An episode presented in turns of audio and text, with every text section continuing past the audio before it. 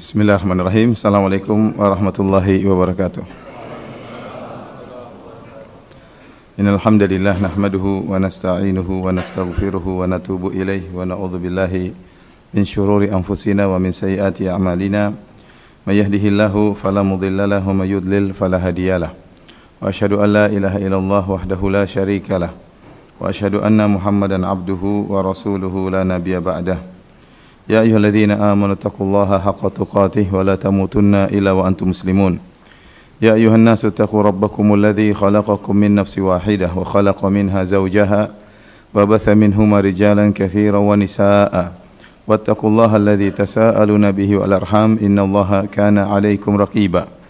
يا أيها الذين آمنوا اتقوا الله وقولوا قولا سديدا يصلح لكم أعمالكم.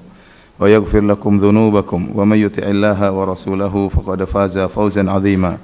أما بعد فإن أصدق الحديث كتاب الله وخير الهدى هدى محمد صلى الله عليه وسلم وشر الأمور محدثاتها. وكل محدثة بدعة وكل بدعة ضلالة وكل ضلالة في النار. Hadirin dan hadirat yang dirahmati oleh Allah Subhanahu wa taala, alhamdulillah puji dan syukur kita panjatkan kepada Allah Subhanahu wa taala atas segala limpahan karunia yang Allah berikan kepada kita salawat dan salam semoga tercurahkan selalu kepada junjungan kita Nabi Muhammad sallallahu alaihi wasallam dan juga kepada keluarganya serta seluruh sahabat beliau tanpa terkecuali. Uh, pertemuan kita ini adalah pertemuan yang kedua tentang manhajus salaf. Pada pertemuan yang pertama kita telah menjelaskan tentang apa itu al-manhajus salafi. Nah, pada pertemuan kedua ini kita akan membahas tentang perbedaan uh, masdar atau sumber pendalilan antara ahlu sunnah wal jamaah dengan ahlul bid'ah dengan ahlul bid'ah. Karena dengan mengenal metode pendalilan dari ahlu sunnah kemudian kita mengenal pula metode pendalilan dari ahlul bid'ah maka akan memudahkan kita untuk mengenal mana yang hak dan mana yang batil.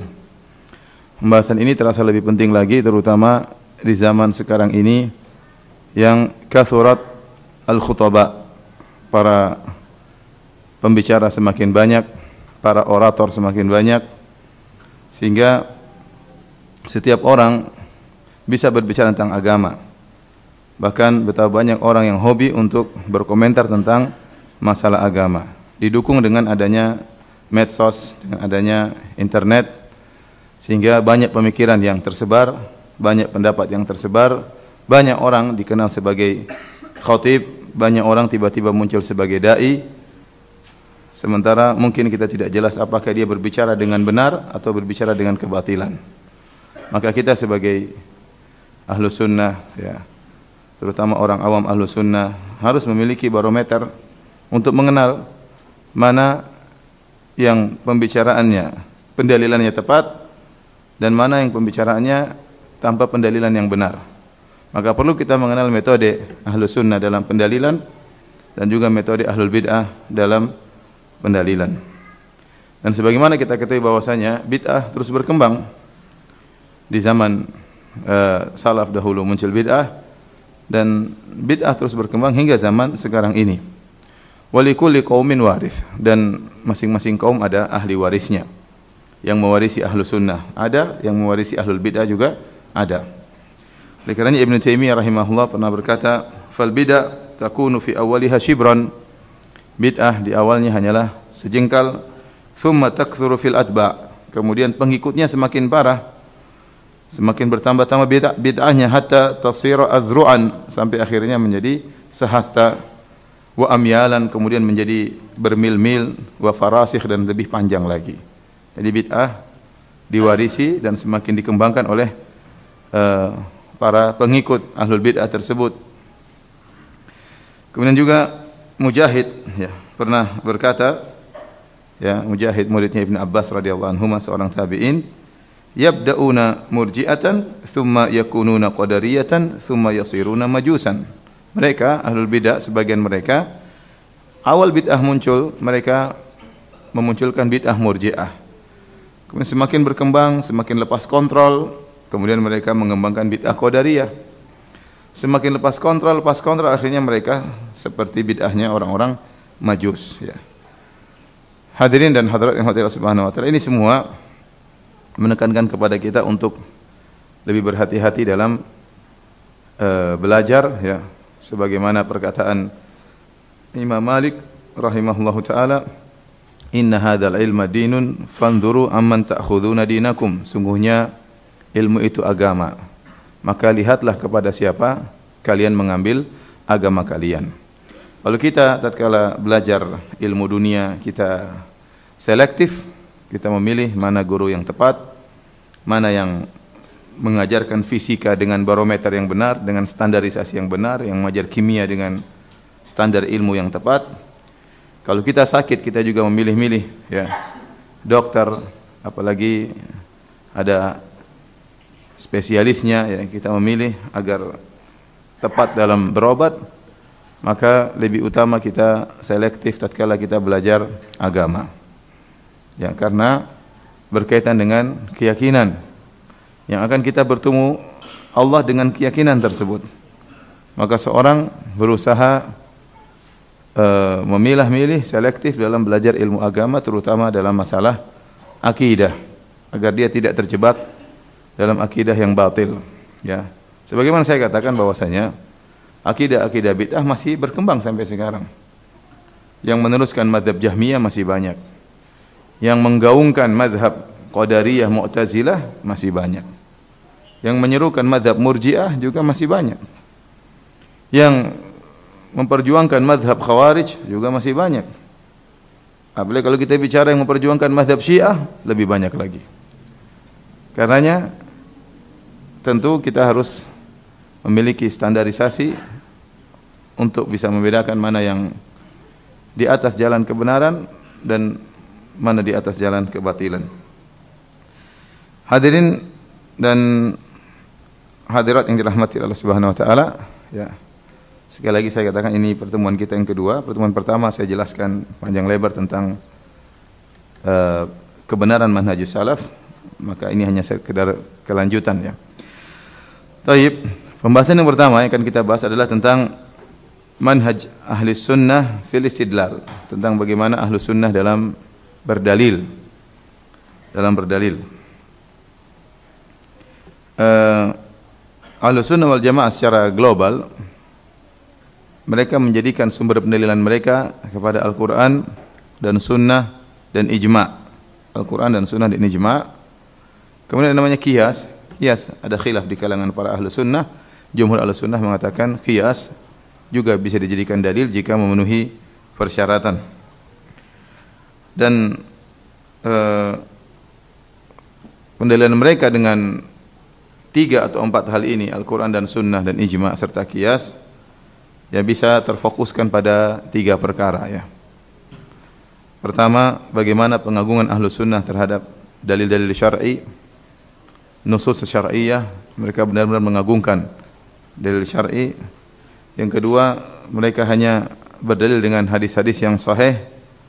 Dan yang ketiga, mereka benar dalam memahami dalil-dalil tersebut, yaitu mengagungi atau mengagungkan nas-nas syar'i yang kedua tidak berdalil kecuali dengan hadis-hadis yang sahih selain Al-Quran, kemudian hadis yang sahih. Yang ketiga memahami uh, nas-nas tersebut dengan pemahaman yang benar. Inilah kesimpulan dari manhajus salaf ya. Berdalil dengan Al-Quran dan Sunnah dengan pemahaman para salaf. Baik. Uh, adapun mengagungkan dalil-dalil baik dari Al-Quran maupun Sunnah, ya maka telah diisyaratkan dalam banyak ayat. Di antaranya Allah berfirman, Ya. Dzalika wa may yu'azzim hurumatillah fahuwa khairun lahu inda rabbih. Dan demikian itu barang siapa yang mengagungkan hurumat yaitu perkara-perkara ya syariat Allah Subhanahu wa taala maka itu lebih baik baginya di sisi Rabbnya. Kemudian juga Allah berfirman dzalika wa may yu'azzim sya'airallah fa innaha min taqwal qulub. Dan demikian itu barang siapa yang mengagungkan syiar-syiar Allah di antaranya ayat-ayat Allah, di antaranya sabda-sabda Nabi ya maka itu merupakan bentuk ketakwaan kepada Allah Subhanahu wa taala. Allah juga firman, "Inna makana qaulal mu'minina idza du'u ila Allah wa rasulih liyahkuma bainahum an yaqulu sami'na wa ata'na wa ulaika humul muflihun." dan hanyalah perkataan orang-orang beriman jika mereka disuruh kepada Allah dan Rasulnya ya, agar menghukum di antara mereka maka mereka berkata sami'na wa ata'na. Kami dengar dan kami taat. Kalau sudah datang ayat Allah sudah datang hadis Nabi SAW tidak ada pilihan lain. Mereka hanya berkata sami'na wa ata'na. Kami dengar dan kami taat. Wa ulaika humul muflihun. Dan mereka itulah orang-orang yang jaya yang beruntung. Allah melarang. Jangan sampai seorang mendahului perkataan Allah dan Rasulnya kata Allah ya ayyuhalladzina amanu la tuqaddimu baina yadayillahi wa rasulihi wattaqullah. Ya wahai orang-orang beriman janganlah kalian mendahului perkataan Allah dan perkataan Rasulnya. Wattaqullah bertakwalah kepada Allah Subhanahu wa taala. Allah juga berfirman, "Wa ma kana lil mu'minin wala mu'minatin idza qadallahu wa rasuluhu amran an yakuna lahumul khiyaratu min amrihim." Tidak pantas bagi seorang mukmin atau seorang wanita mukminah jika Allah dan Rasulnya telah memberi keputusan dia punya pilihan yang lain. Tidak boleh. Dia harus ridha dengan keputusan Allah. Dia harus ridha dengan keputusan Rasulullah sallallahu alaihi wasallam. Dia ridha Allah sebagai Tuhannya, dia ridha Muhammad sebagai nabinya. Sebagai bukti dia ridha Allah sebagai Tuhannya Muhammad sebagai nabinya dia berkata raditu billahi rabba wa bil islami dina wa muhammadin nabiyan wa rasulan aku ridha Allah sebagai Rabbku aku ridha Islam sebagai agamaku aku ridha Muhammad sebagai nabiku artinya aku ridha kalau ada keputusan mereka aku akan tunduk kepada keputusan tersebut. Tidak ada pilihan lain bagiku. Hadirin hadirat yang saya Allah Subhanahu wa taala bahkan Allah bersumpah dengan dirinya sendiri. Kata Allah fala wa rabbika demi Rabbmu wahai Muhammad la yu'minun. Mereka tidaklah beriman hatta yuhaqqimuka fi ma syajara bainahum. Sampai mereka menjadikan engkau hakim di antara perkara yang mereka perselisihkan thumma la yajidu fi anfusihim harajan mimma qadait wa yusallimu taslima. Bukan cuma itu. Mereka menjadikan engkau hakim kemudian mereka tidak mendapati dalam diri mereka ya rasa tidak puas rasa mengganjal sama sekali. Tidak ada. Wa yusallimu taslima dan mereka terima dengan pasrah keputusanmu. Ini tanda seorang beriman kepada Allah dan tanda beriman kepada Rasulullah sallallahu alaihi wasallam. Karenanya kita dapati para salaf dahulu mereka sangat mengagungkan sabda-sabda Nabi sallallahu alaihi wasallam. Sebagaimana diriwayatkan dalam sebagian dari sebagian sahabat seperti uh, dialog antara Ibn Umar dengan putranya Ibn Umar radhiyallahu taala anhuma pernah bersabda pernah menyampaikan sabda Nabi dia berkata sami'tu Rasulullah sallallahu yaqul aku mendengar Rasulullah sallallahu bersabda la tamna'u nisa'akumul masajida idza sta'dzankum ilaiha ya janganlah kalian melarang para wanita untuk ke masjid jika mereka minta izin kepada kalian ke masjid faqala Bilal bin Abdullah berkata putranya Bilal bin Abdullah Wallahi lanamna'ahunna.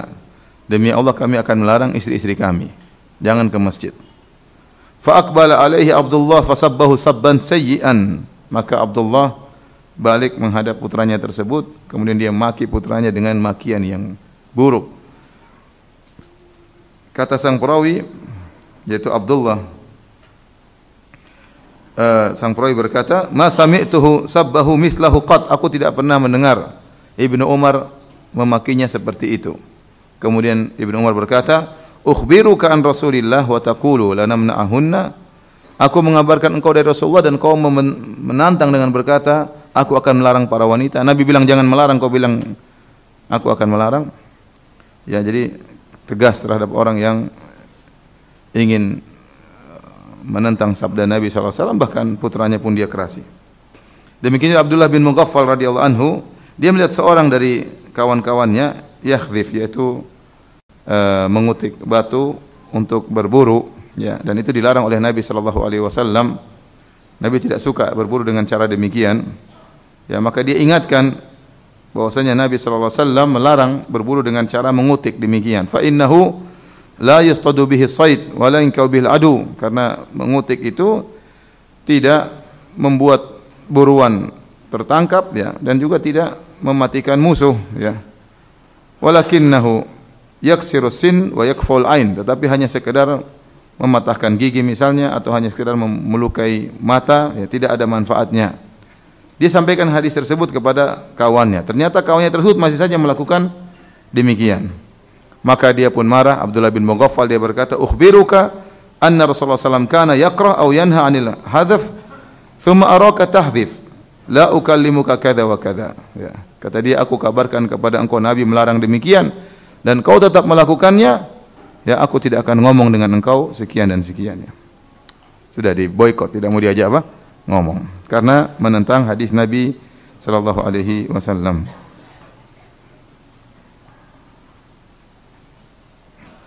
Demikian juga dari riwayat dari Abu Muawiyah Ad-Dharir, suatu hari dia di sisi Harun Ar-Rasyid.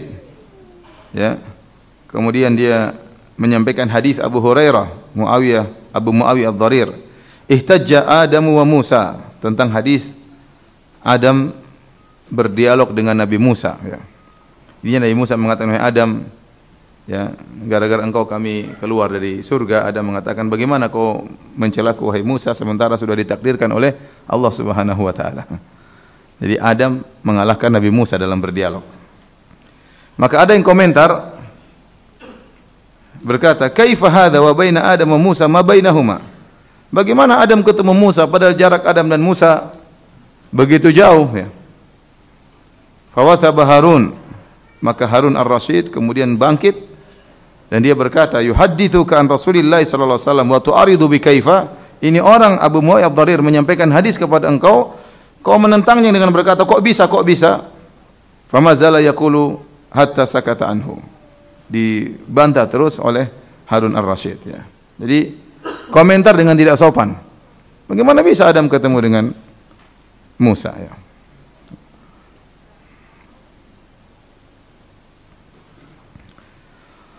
Taib, uh, ini sebagian kecil dari bagaimana pengagungan salaf terhadap nusus syariah terutama terhadap hadis-hadis Nabi. Kalau ada yang menentang maka mereka bersikap tegas terhadap orang-orang yang menentang hadis-hadis Nabi sallallahu alaihi wasallam ya. Sebagaimana sebagian ahlul bidah nanti akan kita sampaikan bagaimana mereka menentang hadis-hadis Nabi sallallahu alaihi wasallam. Kemudian di antara bentuk mereka, bentuk pengagungan para salaf terhadap sunnah, mereka ingin menjalankan sunnah sebagaimana yang datang dari Nabi Shallallahu Alaihi Wasallam. Tidak ditambah-tambahin, tidak dikurang-kurangin. Ini di antara bentuk pengagungan terhadap sabda Nabi Shallallahu Alaihi Wasallam. Disampaikannya sebagaimana yang datang, tanpa ditambahin, tanpa dikurangin.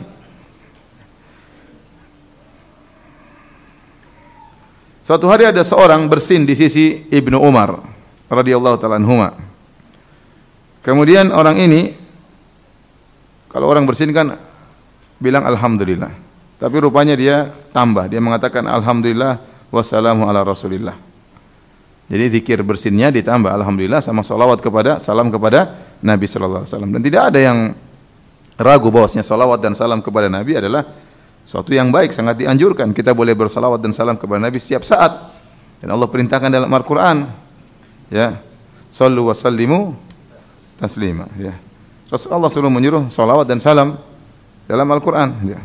Tetapi tatkala salawat dan salam ini dijadikan zikir bersin hajim alhamdulillah wassalatu wassalamu ala rasulillah ini jadi masalah ya. Maka Ibnu Umar menegurnya dia berkata Alhamdulillah wassalamu ala rasulillah wa laisa hakadha allamana Rasulullah sallallahu alaihi wasallam Allamana an naqul alhamdulillah ala kulli hal. Ibnu Umar mengatakan bukan begini cara Nabi mengajarkan kami zikir untuk bersin, tapi Nabi mengatakan alhamdulillah ala kulli hal. Itu yang diajarkan oleh Nabi sallallahu alaihi wasallam. Alhamdulillah atas segala kondisi ya. Bukan alhamdulillah wassalamu ala Rasulillah ya. Ya, ini menunjukkan bagaimana Ibnu Umar ingin sunnah diterapkan sebagaimana diajarkan oleh Nabi sallallahu alaihi wasallam dan jangan uh, apa namanya berkreasi dalam sunnah Nabi Shallallahu Alaihi Wasallam. Ya. Kalau ada orang bersin kemudian Alhamdulillah Kemudian ditambah Alhamdulillah bil alamin arrahmanir rahim maliki yaumiddin iyyaka na'budu iyyaka nasta'in. Kira-kira bagus atau tidak? Bukankah baca Al-Fatihah bagus? Bagus, tapi jangan jadikan zikir setelah apa? Bersin. Ya. Alhamdulillah waladhdallin amin. Alif lam mim dzalikal kitabul la Tentunya tidak tidak benar ya. Secara Ini menunjukkan ya mungkin orang pakai logika baik bagus. Kenapa melarang solawat? Kenapa melarang baca al-fatihah? Bilang enggak kita ingin mengagungkan sunnah. Di antara bentuk mengagungkan sunnah adalah menjalankan sunnah sebagaimana datang dari Nabi Shallallahu Alaihi Wasallam. Jangan dimodif, jangan di dimodif, modifikasi.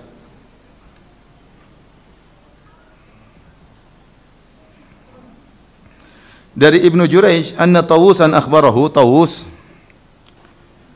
rahimahullah mengabarkan annahu sa'ala Abdullah bin Abbas ani rakaatain. Tahu muridnya Ibnu Abbas. Dia berkata, saya pernah bertanya kepada Ibnu Abbas tentang salat dua rakaat ba'dal asar, dua rakaat setelah asar. Fanahaha fanahahu anhuma, maka Ibnu Abbas melarang. Enggak ada salat ba'di apa? Asar. Fakultu lahu, maka Tawus berkata, aku berkata kepada Ibnu Abbas, ma ada auhuma, aku tidak akan meninggalkan dua rakaat setelah asar. Aku akan terus melakukannya. Maka Ibnu Abbas berkata menegur dengan halus, "Wa ma kana lil mu'minin wala mu'minatin idza qadallahu wa rasul amran an yakuna lahumul khiyaratu min amrihim. Wa may ya'sillaha wa rasulahu faqad dhalla dhalalan mubina." Dia bacakan firman Allah tidak pantas bagi seorang mukmin, lelaki mukmin atau wanita mukminah jika Allah dan Rasulnya sudah memutuskan suatu perkara, maka mereka punya alternatif lain, punya pilihan lain. Barang siapa bermaksiat kepada Allah dan Rasulnya maka sungguh dia telah sesat dengan kesatan yang yang nyata. Demikian juga semisal ini Said Ibn Musayyib seorang ulama tabi'in dia melihat seorang laki salat setelah uh, terbit fajar lebih dari dua rakaat ya namanya salat qabliyah fajar berapa rakaat cuma cuma dua ya tapi orang ini salat lebih dari dua rakaat. Dia memperbanyak rukuk, memperbanyak sujud, maka dia tegur. Fanahahu. Maka Ibnu Musaib menegurnya. Faqala, maka orang ini ngayal. Dia berkata, "Ya Aba Muhammad, wahai Ibnu Musayyib, yu'adzibuni Allahu ala salat, apakah Allah akan mengadabku gara-gara aku salat? Saya kan salat, apa salahnya?" Ya. Apakah Allah akan mengadabku gara-gara aku sujud kepada Allah Subhanahu wa taala? Faqala la Kata Ibnu Musayyib, tidak Allah tidak akan mengadabmu karena engkau salat. Walakin yu'adzibuka ala khilafis sunnah, tapi Allah akan mengadabmu karena kau menyelisih sunnah Nabi sallallahu alaihi wasallam. Demikian juga ada seorang berkata kepada Imam Malik bin Anas rahimahullah, "Ya Abu Abdullah, min aina uhrim?" Wahai Abu Abdullah, dari mana aku berihram? Faqala Malik, karena dia penduduk kota Madinah, kata Imam Malik, min Dzil Hulaifah. Kalau kau ingin ihram, mikotnya penduduk kota Madinah di Dzul Hulaifah. Min haitsu ahrama Rasul sallallahu alaihi wasallam. Di situlah Nabi berihram, bermikot di Dzul Hulaifah yang orang bilang sekarang Bir Ali. Faqala inni uridu an uhrim minal masjid min indil qabr. Aku ingin ihramnya lebih jauh lagi sebelumnya dari Masjid Nabawi di sisi kubur Nabi sallallahu alaihi wasallam. Maka Imam Malik berkata, "La taf'al fa inni akhsha 'alaikal fitnah." Jangan kau lakukan. Aku khawatir kau terkena fitnah. Ya. Jadi kan jarak dari Masjid Nabawi ke Dhul Hulaifah, ya, saya lupa berapa belasan kilo atau 10 kilo lebih kurang lebih atau belasan kilo ya. Kemudian dari Dhul Hulaifah ke Ka'bah ya sekitar 450 kilo ya. Seharusnya dia mikotnya di Dhul Hulaifah, tapi dia ingin lebih jauh lagi. 10 kilo atau belasan kilo lebih jauh lagi yaitu dari Masjid Nabawi. Ini tidak boleh tentunya ya, melanggar sunnah. Maka Imam Malik berkata, "La taf'al fa inni akhsha 'alaikal fitnah." Jangan kau lakukan, aku khawatir kau terkena fitnah. Maka dia mengeyel. Dia mengatakan, "Wa ayu fitnatin fi hadha?" Fitnah apa emang begini? Emang fitnah apa yang akan mengenaiku? Inna mahi amyal azidu hanya beberapa kilo aku tambah saja. Beberapa mil aku tambah. Ada fitnah apa cuma nambah beberapa mil sebelum mikot. Maka Imam Malik berkata, perhatikan, wa ayu fitnatin a'zamu min antara annaka sabaqta ila fadilatin qassara anha Rasulullah sallallahu alaihi wasallam. Imam Malik mengatakan, fitnah apa lagi yang lebih besar daripada engkau menyangka engkau melakukan suatu keutamaan yang Nabi tidak melakukannya. Kalau kau menganggap itu baik, kenapa Nabi dari Bir Ali dari Dzulhulaifah sementara kau menganggap lebih baik mikot lebih jauh lagi dari Masjid Nabawi. Berarti kau menganggap engkau telah melakukan suatu kebaikan, keutamaan yang Nabi tidak melakukannya. Fitnah apa yang lebih besar daripada ini kata Imam Malik? Inni sami'tu Allah yaqul. Kemudian kata Imam Malik, aku mendengar Allah Subhanahu wa taala berfirman, "Falyahdharil ladzina yukhalifuna an amrihi an tusibahum fitnatun aw yusibahum adzabun alim. Hendaknya waspadalah orang-orang yang menyelisihi perintah Nabi sallallahu alaihi wasallam bahwasanya mereka akan terkena fitnah dan mereka atau tertimpa dengan adab yang pedih ya. Jadi Sudahlah Imam Malik ingin aja udah ente ikut sunnah Nabi jangan macam-macam, jangan dimodif, ditambah, dikurangi dengan perasaan, dengan ya, hawa nafsu enggak. Ini menunjukkan bagaimana para salaf dahulu mereka mengagungkan sunnah Nabi ya sallallahu alaihi wasallam dan mereka ingin menjalankan sunnah Nabi sebagaimana yang diajarkan dari Nabi sallallahu alaihi wasallam, tinggal terima paket. Jangan ditambahin, jangan dikurangi. Makanya Sufyan Ats-Tsauri pernah berkata, "Ini istata'ta alla tahuka ra'saka illa bil athar faf'al." Kalau kau mampu tidak menggaruk kepalamu kecuali ada dalilnya lakukan. Yaitu seorang berusaha menjalankan sunnah dalam segala hal. Kalau memang ada dalilnya, misalnya dalam dalil ternyata Nabi cara menggaruknya begini, ya udah ikut aja. Tapi enggak ada dalilnya. Tapi intinya dia ingin mengatakan seandainya kau tidak menggaruk kepalamu kecuali dengan ada dalil, maka lakukanlah. Baik. Uh, yang berikutnya di antara manhaj ahlu sunnah wal jamaah dalam pendalilan selain mereka mengganggukan sunnah, mereka ingin menjalankan sunnah sebagaimana mestinya, mereka juga hanya berdasarkan berdalil dengan sunnah-sunnah yang sahihah. Mereka jauh dari hadis-hadis yang maudhu, hadis-hadis palsu, hadis-hadis yang dhaif jiddan ya. Mereka jauh dari itu semua. Ya, maka tidaklah mereka berpegang teguh kecuali dengan hadis-hadis yang sahih.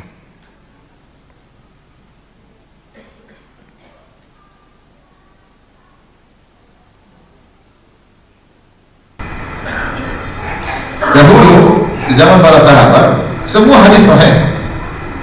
Karena sahabat langsung mendengar dari Nabi atau mendengar dari sahabat yang lain.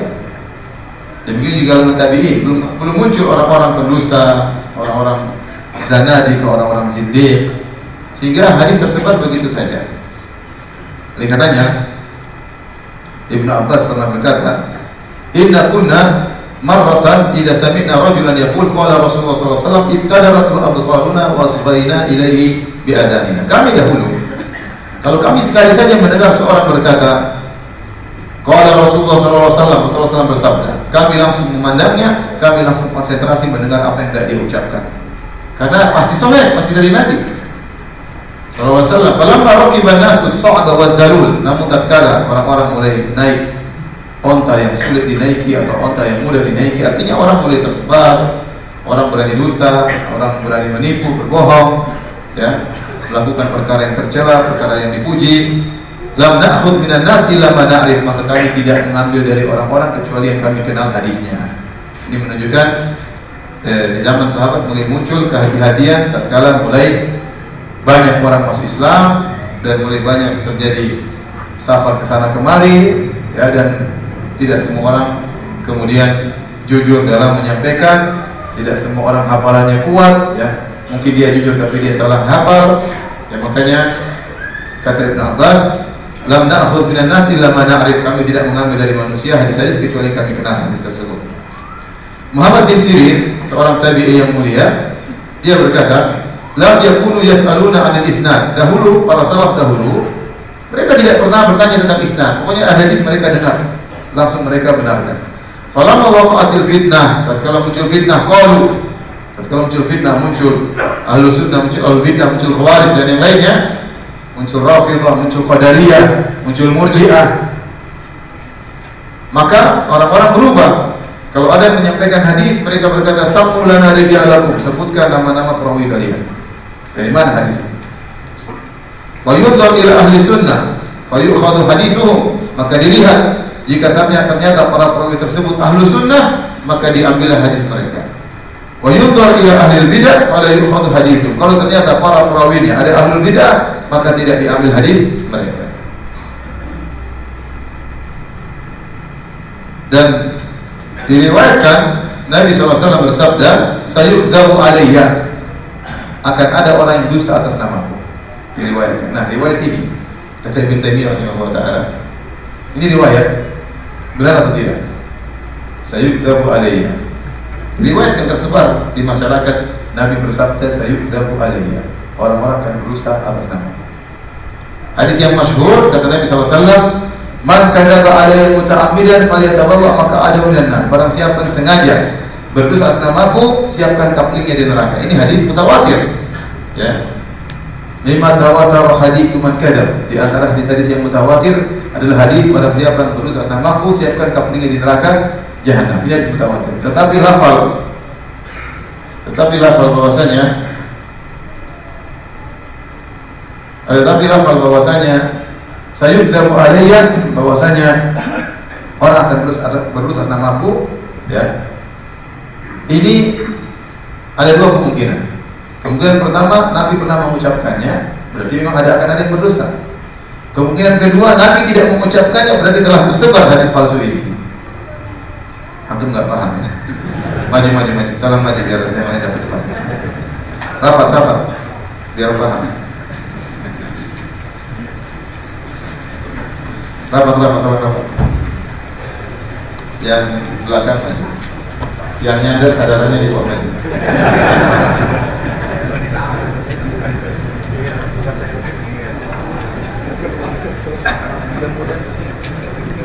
saya ulangi hadis yang masyhur dari mutawatir kata Nabi man kadzaba alayhi muta'ammid orang siapa sengaja berdusta namaku siapkan kapling yang di neraka ya, hadis ini hadis mutawatir Nabi pernah mengucapkannya jelas diriwayatkan oleh 10 sahabat lebih Nabi mengatakan ancaman barang siapa berdosa nama ini ancaman. Hadisnya sahih.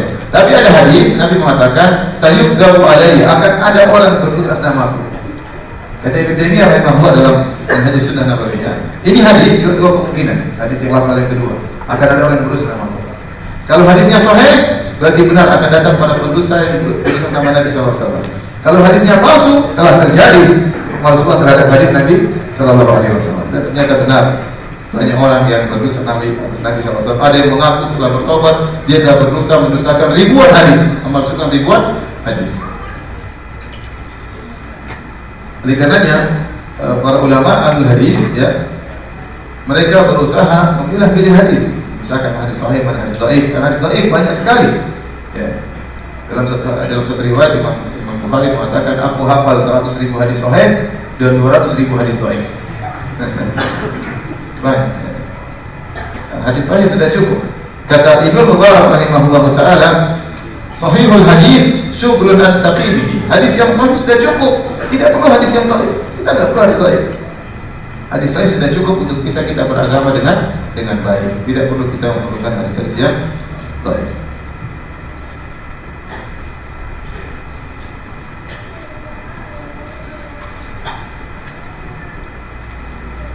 Kata Ibnu Qudamah rahimahullah taala, "Amal ahaditsul ahaditsul mawdu'ah, adapun hadis-hadis yang palsu, allati wada'at hazanadiqah yang telah diletakkan oleh orang-orang ahli zindiq, diyulabbisu biha ala ahli Islam untuk membuat rancu, menipu orang-orang Islam. Awil ahaditsul dhaifatu atau hadis-hadis yang dhaif, karena hadis dhaif bertingkat-tingkat. Ada yang dhaif, ada yang dhaif jiddan, ada yang palsu. Ya. Ini bertingkat-tingkat. Imma li ruwatiha au jahalatihim. Bisa jadi perawinya dhaif atau karena majhul tidak dikenal, au li allatin fiha atau karena ada ilah penyakit dalam hadis tersebut sehingga menjadikannya dhaif. Fala yujuzu an yuqal biha, maka tidak boleh berpendapat dengan hadis dhaif tersebut. Wala i'tiqadu ma fiha dan tidak boleh meyakini apa yang dalam hadis tersebut. Bal wujuduha ka'adamiha, akan tapi keberadaannya seperti tidak ada. Ini uh, dijelaskan oleh para para ulama.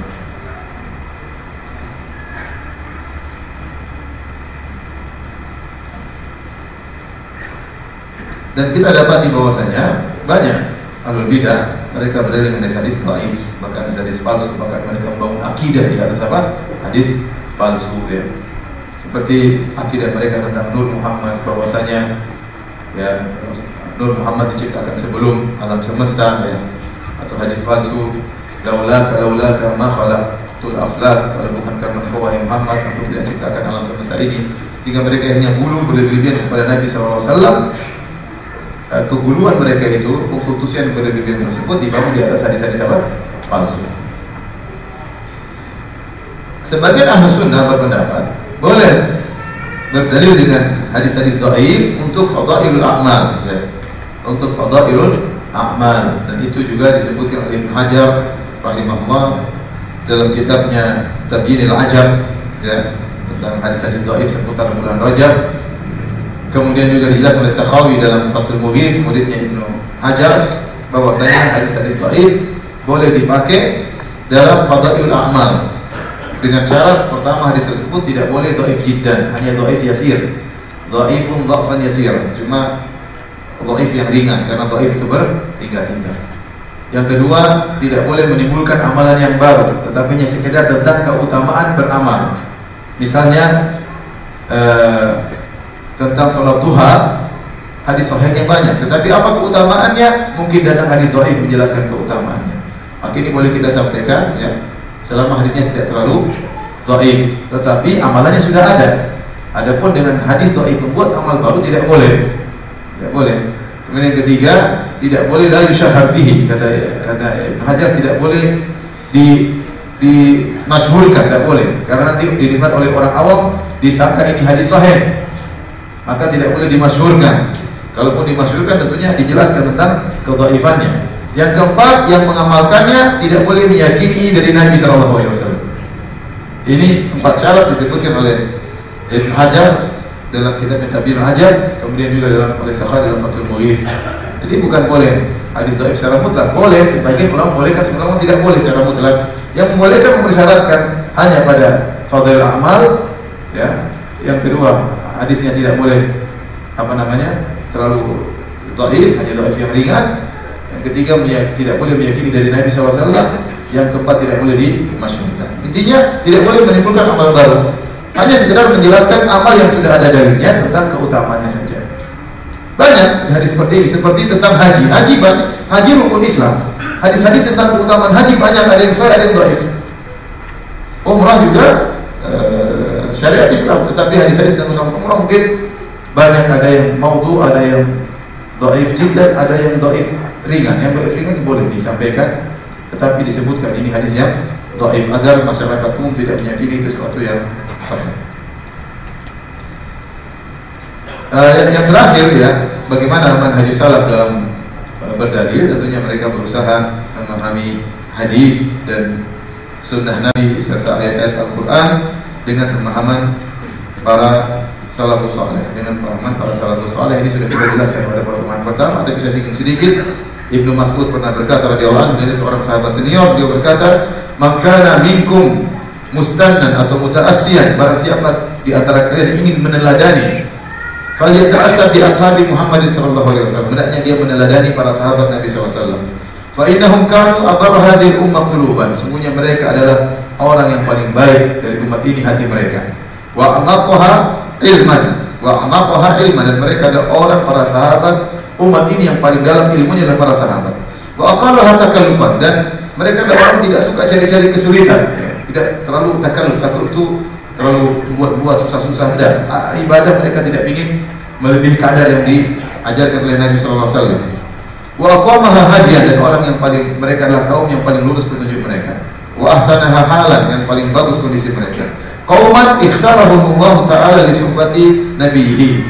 Mereka adalah kaum para sahabat adalah kaum yang dipilih oleh Allah untuk menemani Nabi utusan Allah Subhanahu wa taala. Fa'rifu lahum fadlahum maka kenalilah keutamaan mereka wattabi'u fi atharihim wattabi'u fi atharihim ikutilah mereka dalam asar mereka dalam teladan mereka fa innahum kanu 'alal hudal mustaqim sungguhnya para sahabat di atas jalan yang lurus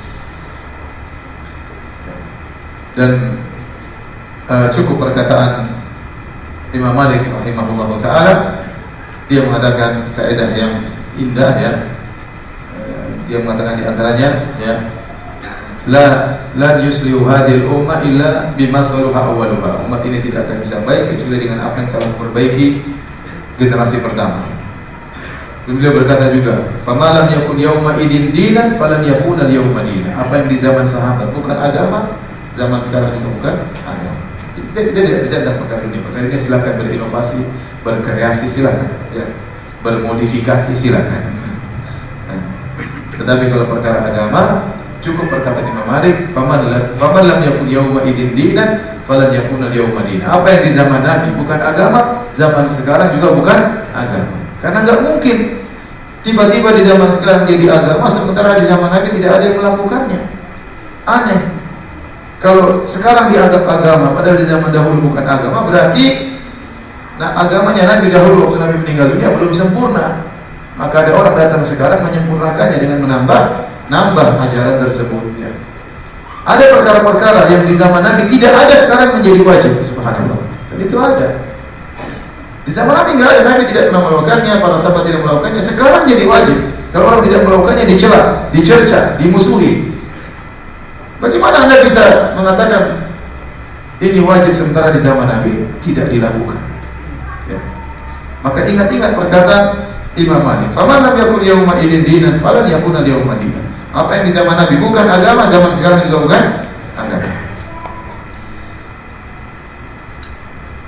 Dan kita berusaha memahami agama ini dengan pemahaman para uh, sahabat, para salaful ummah, mereka yang lebih paham tentang uh, maksud dari tujuan dan tujuan Rasulullah Sallallahu Alaihi Wasallam. Taib. Kemudian uh, di antara cara mereka memahami nusus Al-Quran maupun Sunnah selain dengan pemahaman para salaf, mereka juga menjamakkan dalil yang ada. Jadi dalil mereka kumpulkan berkaitan dengan satu bab dikumpulkan seluruhnya kemudian mereka mengkompromikan baru mereka memahami makanya ada uh, disebutkan dalam usul fikih tentang namanya Radul am ilal khas yang umum dibawakan kepada yang khusus yang mutlak dibawakan kepada muqayyad mujmal dibawakan kepada mubayyan. Ini semua adalah bentuk mengkompromikan dalil-dalil. Karena ahlul bidah mereka yang mandang sebagian dalil mereka tidak mandang dalil yang lain. Jika mereka membangun akidah mereka bukan di atas mengumpulkan seluruh dalil dikompromikan baru dibangun akidah. Tidak. Mereka lihat satu ujung dalil satu bagian dalil mereka lupakan bagian yang lain sehingga tatkala menafsirkan agama hanya berdasarkan sebagian dalil akhirnya timbul kesalahan. Nanti akan kita jelaskan bagaimana kesalahan mereka. Baik hadirin dan hadirat yang subhanahu wa ta'ala itu tadi sekilas tentang uh, metode pendalilan Ahlus Sunnah wal Jamaah. Saya ulangi yaitu mereka mengagungkan hadis-hadis Nabi wasallam. Kemudian mereka berusaha menjalankan hadis-hadis Nabi sesuai dengan uh, yang datang dari Nabi tanpa ditambah dan kurang-kurangi ya. Uh, kemudian yang ketiga mereka hanya berdalil dengan hadis-hadis yang apa ya? sahih. Kemudian mereka berpaham dengan pemahaman para uh, salaf. Dan yang kelima mereka berusaha mengumpulkan seluruh dalil baru mereka ambil kesimpulan dari dalil tersebut dikompromikan digabungkan baru jelas apa maksud dari dalil tersebut. Adapun metode ahlul bidah Metode Ahlul Bidah e, terfokus pada tiga metode. Metode pertama yaitu menolak nas-nas syar'i yang tidak sesuai dengan hawa nafsu mereka dan mereka nekat untuk menolaknya. Yang kedua, mereka ya e, tidak berpegang teguh dengan usul atau pokok-pokok agama. Mereka bermain-main di situ. Nanti akan kita jelaskan maksudnya. Yang ketiga, mereka bikin metode-metode baru. Ya. Pertama mereka tolak dalil-dalil dengan tidak sesuai dengan nafsu mereka. E, metode usul yang ada mereka main-maini, mereka tidak berpegang teguh. Kemudian mereka bikin metode-metode baru. Ini tiga tiga cara mereka dalam e, membuat bid'ah mereka. Tapi yang pertama ahlul bidah mereka menolak dalil-dalil nas-nas yang tidak sesuai dengan hawa nafsu mereka. Dan ini sudah ada sejak zaman dahulu seperti dilakukan oleh Amr bin Ubaid. Amr bin Ubaid ini salah satu tokoh Mu'tazilah ya. Uh, yang orangnya dikenal sangat zuhud dan ahli ibadah. Amr bin Ubaid zuhud dan ahli ibadah. Karena zuhudnya dan ahli ibadahnya ini banyak orang yang terpedaya dengan dia. Padahal pemikirannya pemikiran apa? Mu'tazilah secara akidah sesat tapi secara ibadah kelihatannya luar biasa sering menangis kemudian uh, rajin beribadah zuhud dalam dunia ya. maka hanya orang banyak terpedaya ikut dia dan betapa banyak ahlu sunnah juga demikian terpedaya dengan seorang misalnya tokoh bid'ah tetapi orangnya lembut orangnya santun ya. suka menangis ya. Ya. apalagi ibu-ibu yang suka ini Ustaznya suka menangis sama dengan saya suka menangis di rumah akhirnya terpedaya terpedaya dengan apa e, akhlaknya Padahal seorang harus menilai bagaimana akidahnya. Inilah Amr bin Ubaid, tentu orang terpedaya karena dia memiliki uh, zuhud, kezuhudan dan juga uh, semangat dalam beribadah. Dia pernah berkata tentang hadis Ibnu Mas'ud, hadis yang kita kenal dengan hadis As-Sadiqul Masduq ya, tentang perjalanan uh, janin. Pertama nutfah 40 hari kemudian seterusnya hadis Ibnu Mas'ud. Maka dia berkata, itu hadis inna ahadakum yujma'u fi batnihi batni ummihi arba'ina yawman nutfah. Salah seorang dari kalian kata Nabi SAW akan dikumpulkan dalam perut ibunya 40 hari dalam bentuk nutfah. Tsumma yakunu mithla dzalik kemudian seterusnya. Nah, uh, dia berkata Tsumma yakunu alaqatan mithla dzalik. Kemudian dia berkata, "Lau sami'tul A'mash yaqulu hadza lakadzabtu." Kalau saya mendengar hadis ini dari A'mash, saya akan mengatakan kau dusta. Walau sami itu min Zaid bin Wahab, kalau saya mendengar hadis ini dari yang lebih atas lagi dari Zaid bin Wahab, perawi yang selanjutnya, lama sadaqtu aku tidak akan membenarkannya. Namanya tidak sesuai dengan akal dia. Karena hadis tersebut menyebut tentang takdir. Ya di akhir hadis Rasulullah SAW berkata, "Inna ahdakum ya walladzi nafsu Muhammad biyadihi ya. Inna ahdakum la ya'malu bi amali ahli ahli jannah hatta ma bainahu wa bain hatta ma yakunu bainahu wa baina illa dira. Fa yasbiqu alaihi alkitab fa ya'malu bi ahli nar fa yadkhuluha. Sungguh salah satu dari kalian beramal dengan amalan penghuni surga. Sehingga jarak dia dengan surga hanya tinggal sehasta. Kemudian sudah didahului oleh takdir. Maka di penghujung hayatnya dia beramal dengan amalan penghuni neraka lantas dia masuk neraka. Ini tidak sesuai dengan akidahnya Amr bin Ubaid yang dia Qadariyah. Mu'tazilah Qadariyah. Dia menolak takdir maka dia berkata, seandainya saya mendengar hadis ini dari Ahmad, saya akan dustakan dia. Kalau saya dengar dari uh, Zaid bin Wahab, saya akan dustakan dia. Kalau saya dengar dari Ibnu Mas'ud radhiyallahu anhu mengucapkan ini, saya akan, saya tidak akan terima. Walau sami itu Rasulullah SAW yaqulu hadza lawadatuhu. Kalau saya dengar Nabi mengucapkannya, saya akan tolak. Bayangkan. Walau sami itu Allah yaqul, kalau seandainya aku mendengar Allah yang mengucapkan ini, lakutu aku akan berkata, laisa ala hadza akhadta mitsaqana ya Allah bukan kau tidak menyuruh kami untuk mengimani yang seperti ini. Jadi dia memang ingin menolak apa? Hadis tidak sesuai dengan otak dia tidak sesuai dengan akal dia.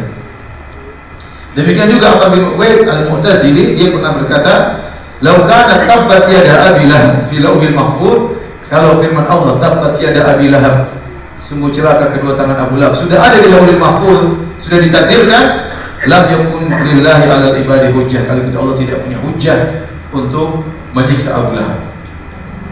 Jadi dia mengingkari takdir. Otaknya tidak sampai sehingga dia tidak terima ayat-ayat atau hadis-hadis yang menurut dia tidak sesuai dengan akal akal dia. Ini contohnya.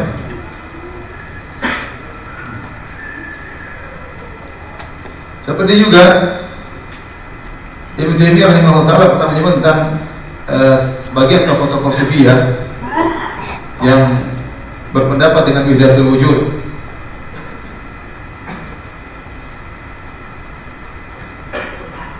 Bahwasanya dia mengatakan orang tersebut mengatakan tokoh sufi tersebut wa haddatsani thiqah alladhi raja anhum lamma kashafa lahu asraruhum annahu ya'ni atil insani qara alaihi usul hikam ibn arabi ini bercerita ada orang dapat kasyaf dan yang lainnya. Itu Insani dibacakan Usul Hikam karya Ibnu Arabi. Usul Hikam ini buku sesat penuh dengan kesesatan. Ya. Karangan Ibnu Arabi. Dalam kitab Usul Hikam dikatakan Fir'aun masuk surga. Fir'aun masuk surga. Karya Ibnu Arabi. Saya punya ada bentuk PDF. Uh, kalau Fir'aun masuk surga apalagi kita jelas masuk surga. Fir'aun saja masuk surga. Boleh kita. Maka kata Ibnu Taimiyah rahimahullah taala, hadzal kalam yukhaliful Quran. Wahai kata dia wahai saudaraku, wahai sufi, perkataan Ibnu Arabi ini menyelisih Al-Qur'an. Gimana Fir'aun masuk apa? Surga. Maka dia menjawab, Al-Quran kulluhu syirik. Al-Quran semuanya isinya syirik. Innama tauhid di kalamina. Ini Ibnu Taimiyah pernah berdebat dengan orang seperti ini. Katanya orang ini tauhid itu yang akidah kami tauhid.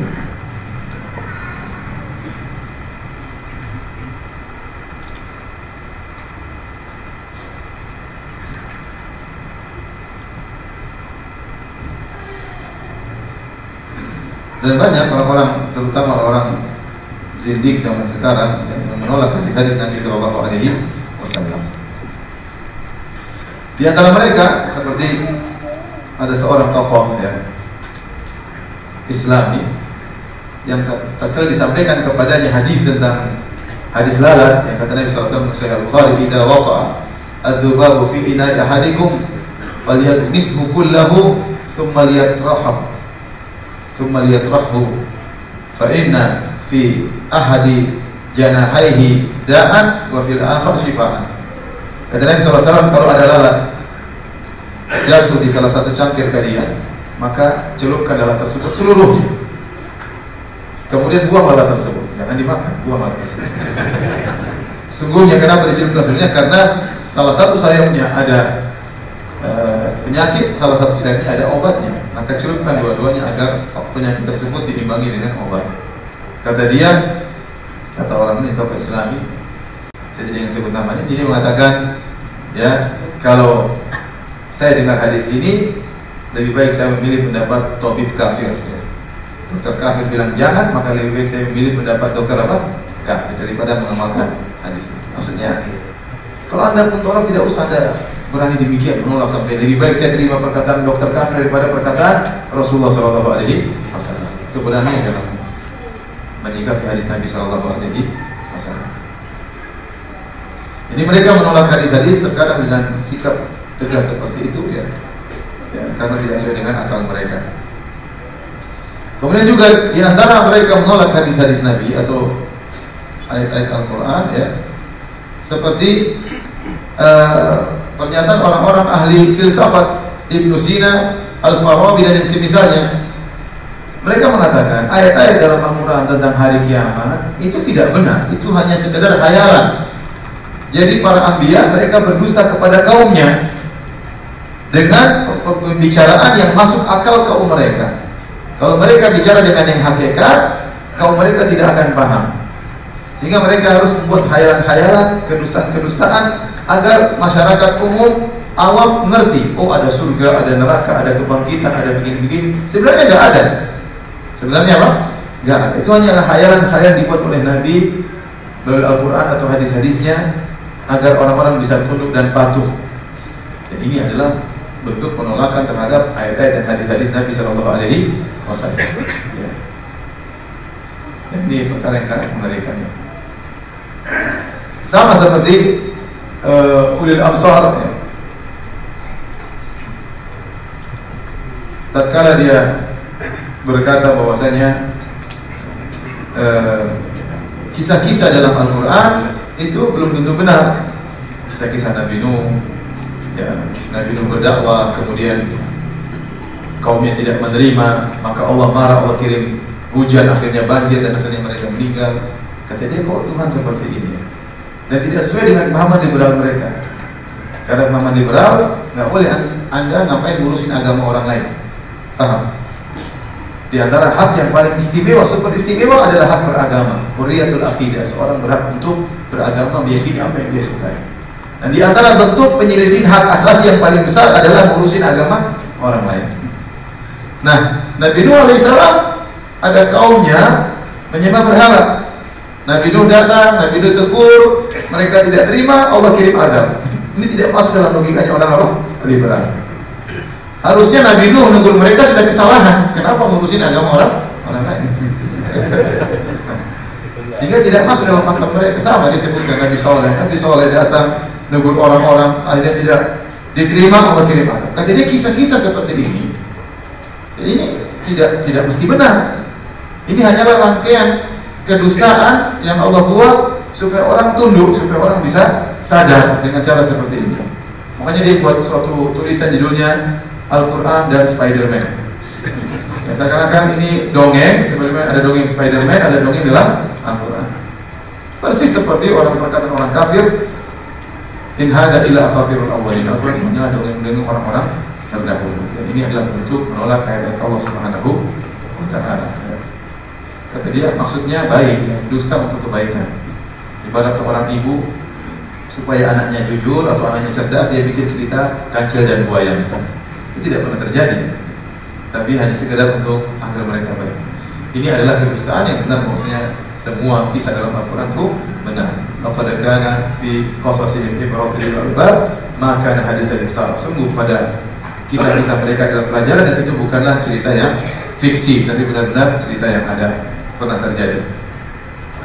Seperti juga perkataan sebagian orang liberal bahwasanya hadis-hadis Nabi Shallallahu Alaihi Wasallam atau Al-Quran itu hanya cocok untuk seribu para tahun yang lalu. Diturunkan oleh Allah cocok dengan zaman tersebut. Zaman tersebut. Sehingga mereka berdalil di antara diri mereka bukankah nabi yang datang setelahnya memansuhkan nabi yang sebelumnya? Atau bukankah setiap nabi diutus kepada kaumnya ya nanti kaum yang lain diutus lagi nabi yang lain ya dan masing-masing punya syariat tersendiri oleh karenanya syariat seorang nabi hanya cocok dengan zamannya itu kata mereka syubhat ini paham kata mereka setiap nabi punya syariat Nah, Muhammad pun demikian. Muhammad Sallallahu Alaihi Wasallam punya syariat yang cocok untuk zamannya. Di zaman tersebut di tahun yang lalu Arab Badui dan yang lainnya. Nah, bagaimana kemudian kita mau memahami dengan tekstual untuk kita bawakan kepada zaman sekarang? Terus bagaimana solusinya? Solusinya kita harus beristihad untuk bikin hukum-hukum yang baru, yang relevan, yang sepadan dengan kejadian zaman sekarang. Seakan-akan dia berkata, oh, hadis-hadis Nabi dan Al-Quran sudah expired hanya cocok 1400 tahun yang lalu. Dan ini dia tidak ngomong begitu, tidak ya. Tapi kesimpulannya begitu. Karena dia mengatakan kita disuruh beristihad untuk membuat hukum-hukum yang baru. Subhanallah. Ini perkataan Ulil Absor juga. uh, kita bilang Nabi SAW berbeda dengan Nabi yang lalu. Nabi Nabi Muhammad SAW Nabi terakhir. Ya. Diutus untuk seluruh umat apa? manusia. Syariatnya berlaku sampai hari kiamat. Kalau nabi-nabi dulu tidak, memang ada masanya. Makanya dia mengatakan, Waktu itu khamsan lam yu'tahunna ahadun min anbiya'i qabli. Aku diberikan lima perkara yang nabi-nabi sebelumnya tidak diberikan. Di antaranya wa kana nabiyyu ursila ila qaumihi khassa wa bu'istu ila nasi kafa. Nabi-nabi sebelumnya diutus hanya kepada kaumnya. Adapun aku diutus ke seluruh umat manusia. Dan, dan ini terlalu banyak. Intinya ini bahaya. Jadi seakan-akan ini menolak secara totalitas Al-Quran dan hadis. Jika antum berdialog dengan orang seperti ini, ente menafsirkan secara tekstual, oh jangan begitu. Ini ente tafsirkan begini kalau sepuluh tahun yang lalu. Kalau sekarang sudah lain, repot. Jadi nggak bakalan nyambung sama mereka. Taib. Di antara metode ahlul bidah selain mereka menolak hadis-hadis dan ayat-ayat dengan berbagai macam model cara ya tadi menolak langsung atau dengan mengatakan uh, sudah expired lah ya atau yang lainnya ya.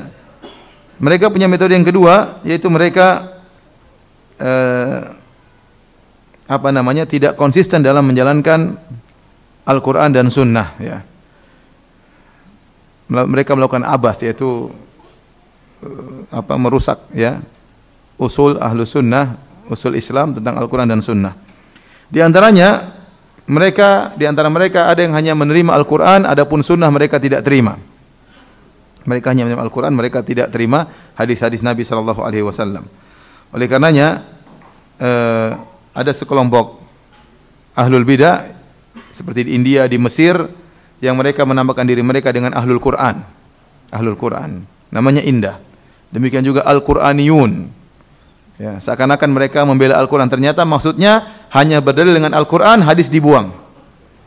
Tentu ini adalah kesesatan ya. E, tidak mungkin Al-Quran kita bisa pahami tanpa hadis Nabi Shallallahu Alaihi Wasallam. Kalau kita ingin memahami Al-Quran tanpa hadis, kita nggak bisa mengamalkan Al-Quran. Kalau ingin memahami Al-Quran tanpa hadis, kita nggak bisa mengamalkan Al-Quran. Contoh, Allah mengatakan aqimus sholat, dirikan sholat. Sekarang gimana cara sholat? tahiyatnya gimana, duduk di antara dua sujud nggak disebutkan, sujudnya berapa kali, berapa rakaatnya nggak disebutkan, waktu-waktunya secara detail tidak disebutkan, kapan mulainya, kapan akhirnya nggak ada dalam Al-Quran. Gimana kalau jamak kosor, caranya bagaimana, nggak ada di sunnah Al-Quran. Oleh karena seorang tidak mungkin melaksanakan rukun Islam ya kalau tidak berpegang dengan sunnah Nabi SAW. Allah mengatakan haji, taib cara haji bagaimana caranya?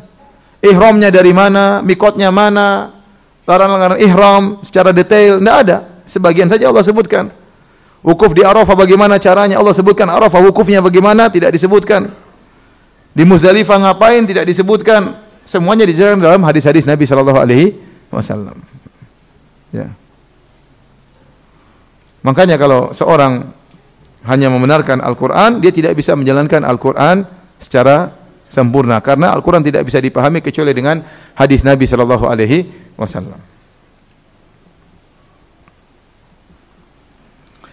Kemudian di antara metode mereka ya, mereka hanya beriman dengan sebagian dalil dan menolak sebagian yang lain. Ini ini ini di antara poin yang sangat berbahaya dari ahlul bidah. Mereka tidak memahami dalil secara utuh, hanya memahami sebagian dan menolak sebagian. Ahlu sunnah tadi sudah kita sebutkan tidak, mereka mengumpulkan seluruh dalil, mereka pahami dengan benar, mengkompromikan dalil-dalil yang sepertinya ada pertentangan, mereka kompromikan. Sebagai contoh, metode orang-orang Khawarij. Orang-orang Khawarij ya. Mereka hanya memperhatikan ayat-ayat dan hadis-hadis ya yang berisi tentang ancaman dan mereka tidak memperhatikan hadis-hadis dan ayat-ayat yang isinya tentang harapan. Ya. Hanya melihat yang ancaman-ancaman saja. Sehingga akhirnya mereka mengkafirkan para pelaku dosa besar. Contoh seperti firman Allah, "Wa man yaqtul mu'minan muta'ammidan fajaza'uhu jahannam khalidan fiha." Barang siapa membunuh seorang mukmin dengan sengaja, maka balasannya adalah neraka jahanam kekal di dalamnya. Sehingga mereka memahami ayat ini bahwasanya orang membunuh orang lain kafir kekal. Dan ini pernah dikatakan oleh Amr bin Ubaid dia berkata, "Yuk tabi yaumal qiyamah." Nanti pada hari kiamat aku akan dihadirkan di hadapan Allah, kata dia. Fa aqamu baina yadayillah fa uqamu baina yadayillah. Kemudian aku diberdirikan di hadapan Allah Subhanahu wa taala. Fa yaqulu li. Kemudian Allah berkata kepadaku lima qulta innal qatila finnar? Wahai Amr bin Ubaid kenapa kau berkata pembunuh pasti masuk neraka jahanam fa aqulu anta qultahu aku akan menjawab Allah aku berkata ya Allah engkau yang mengucapkan dalam Al-Qur'an bukankah engkau engkau berfirman wa may yaqtul mu'minan muta'ammidan fajazaa'u jahannamu khalidan fiha Barang siapa membunuh seorang mukmin dengan sengaja, maka kekal di neraka. Qultu lahu ya. Dan kata sang perawi yang menceritakan kisah Amr bin Ubaid ini, dia berkata waktu itu aku orang paling kecil hadir di rumah. Maka aku bantah Amr bin Ubaid. Aku berkata, "Ara'aita in qala laka?" Bagaimana kalau Allah berkata kepadamu wahai Amr bin Ubaid? Qad qultu, "Inna Allah la yaghfiru ay yushraka bihi wa yaghfiru ma duna dzalika liman yasha." Min aina alimta anni la asya'u an aghfir Bukankah Allah akan membantahmu wahai Amr bin Ubaid? Bukankah aku telah berkata juga dalam Al-Qur'an, sungguhnya Allah tidak mengampuni dosa kesyirikan dan Allah mengampuni dosa selain kesyirikan bagi yang Allah kehendaki. Artinya pembunuh itu membunuh bukan kesyirikan. Dari mana engkau Amr bin Ubaid tahu bahwasanya aku tidak akan mengampuni pembunuh ini? Akhirnya Amr bin Ubaid tidak bisa menjawab. Artinya apa? Dia hanya mengambil satu ayat, dia lupa ayat yang lain. Kalau orang hanya melihat ayat Wa may yaqtul mu'minan muta'ammidan fajaz jahannam khalidan fiha. Barang siapa bunuh orang masuk neraka kekal dalamnya. Orang bunuh berarti kafir. Tapi kalau dilihat ayat yang lain, sungguhnya Allah mengampuni dosa selain kesyirikan bagi yang Allah kehendaki. Berarti belum tentu apa? Kafir. Maka ahlu sunnah menggabungkan di antara keduanya.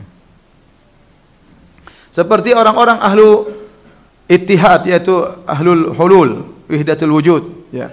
Mereka membaca firman Allah, "Wa ma ramaita idz ramaita walakinna Allah rama." Kata mereka, wahai Muhammad, tidaklah engkau melempar tatkala engkau melempar kecuali Allah yang melempar. Berarti semua gerakan Rasulullah itu gerakan Allah Subhanahu wa taala. Mereka hanya satu ayat. Mereka hanya lihat firman Allah Subhanahu wa taala ya uh, apa namanya? Wa huwa ma'akum aina kuntum. Allah selalu bersama kalian di mana pun kalian berada sehingga mereka meyakini Allah bersama mereka dalam jasad mereka. Repot. Mereka hanya melihat sebagian ayat. Mereka tidak lihat begitu banyak ayat Rasulullah SAW berdoa kepada Allah. Rasulullah SAW ketemu dengan Allah dua zat yang berbeda.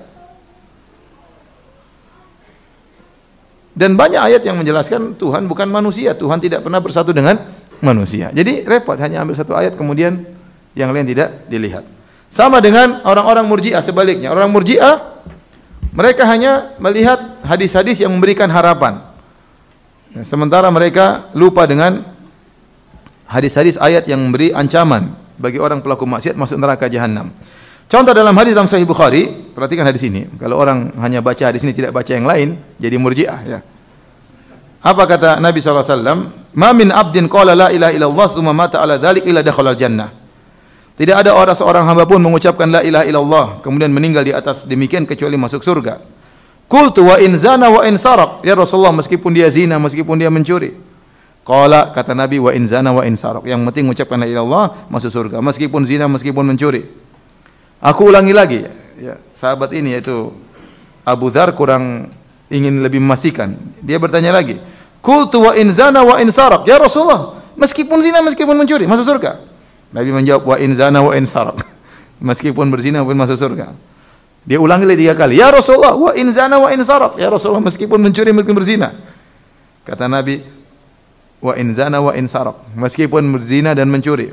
Empat kali dia berkata lagi, wa in zana wa in saraq. Ya Rasulullah, masuk surga meskipun mencuri meskipun berzina. Kata Nabi, wa in zana wa in saraq ala ragmi anfi Abi Dzar, ya. Meskipun dia mencuri berzina, meskipun menjengkelkan Abu Dhar. meskipun Abu Dhar tidak suka. nah orang kalau baca hadis seperti ini, waduh, udah. Meskipun mencuri masuk surga, yang penting ngaji tauhid masuk surga. Meskipun mencuri, meskipun berzina, yang penting la ilaha illallah. Nah kalau baca hadis seperti ini, bisa jadi murjiah. Orang Khawarij baca hadis yang lain. La yazni zani hina yazni wa huwa mu'min. Tidaklah seorang pezina tatkala berzina masih mukmin. Oh, kafir berarti. Wala yasriku sariq hina yasriq wa huwa mu'min. Tidaklah seorang mencuri tatkala sedang mencuri dalam kondisi mukmin. Kafir. Wala yashrabu syaribul khamr hina yashrabuha wa huwa mu'min. Tidaklah seorang peminum khamr sedang minum khamr dalam kondisi beriman. Nah, orang Khawarij lihat hadis ini. Nah, ke ahlu sunnah menggabungkan dua-duanya. Bahwasanya dimaksud ini beginian, maksudnya demikian ya. Kalau orang bertauhid dengan tauhidnya matang, tidak melakukan kesyirikan, dan dikehendaki oleh Allah maka maksiatnya bisa diampuni oleh Allah Subhanahu wa taala. Tidak semua pelaku dosa besar masuk apa? neraka. Jika Allah berkehendak mengampuninya Allah akan ampuni. Jadi maksud saya lihatlah bagaimana ahlul bidah mereka hanya melihat sebagian dalil melupakan dalil yang lain dan itu terjadi pada seluruh kelompok ahlul bidah. Adapun ahlus sunnah maka mereka menggabungkan seluruh dalil baru kemudian mereka mengambil kesimpulan.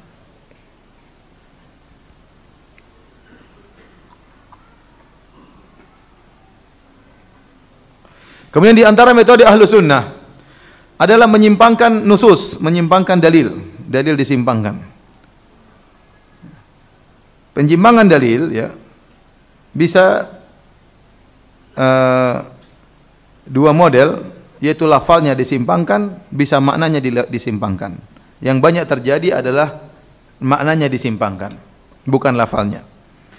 Ya, kalau zaman dahulu ya uh, sebagian lafal mau disimpangkan oleh ahlul bidah.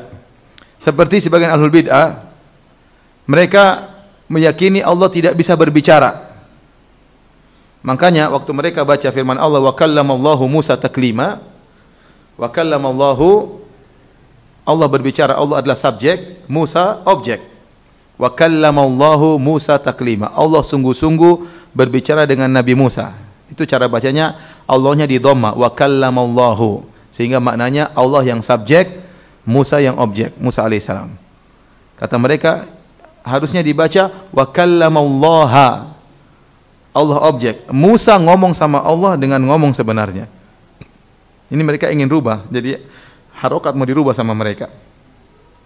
Tapi dalam ayat yang lain mereka tidak bisa rubah wa kallamahu rabbuhu. Ini antum tidak tahu bahasa Arab jadi susah saya jelaskan ya.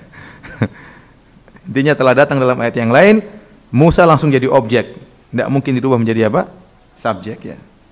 Ini, ini namanya merubah harokat atau merubah lafal dan ini berbahaya. Ini adalah kekufuran. Dan ini adalah kebiasaan orang-orang Yahudi. Orang Yahudi tatkala Allah menyuruh mereka untuk minta ampun ya.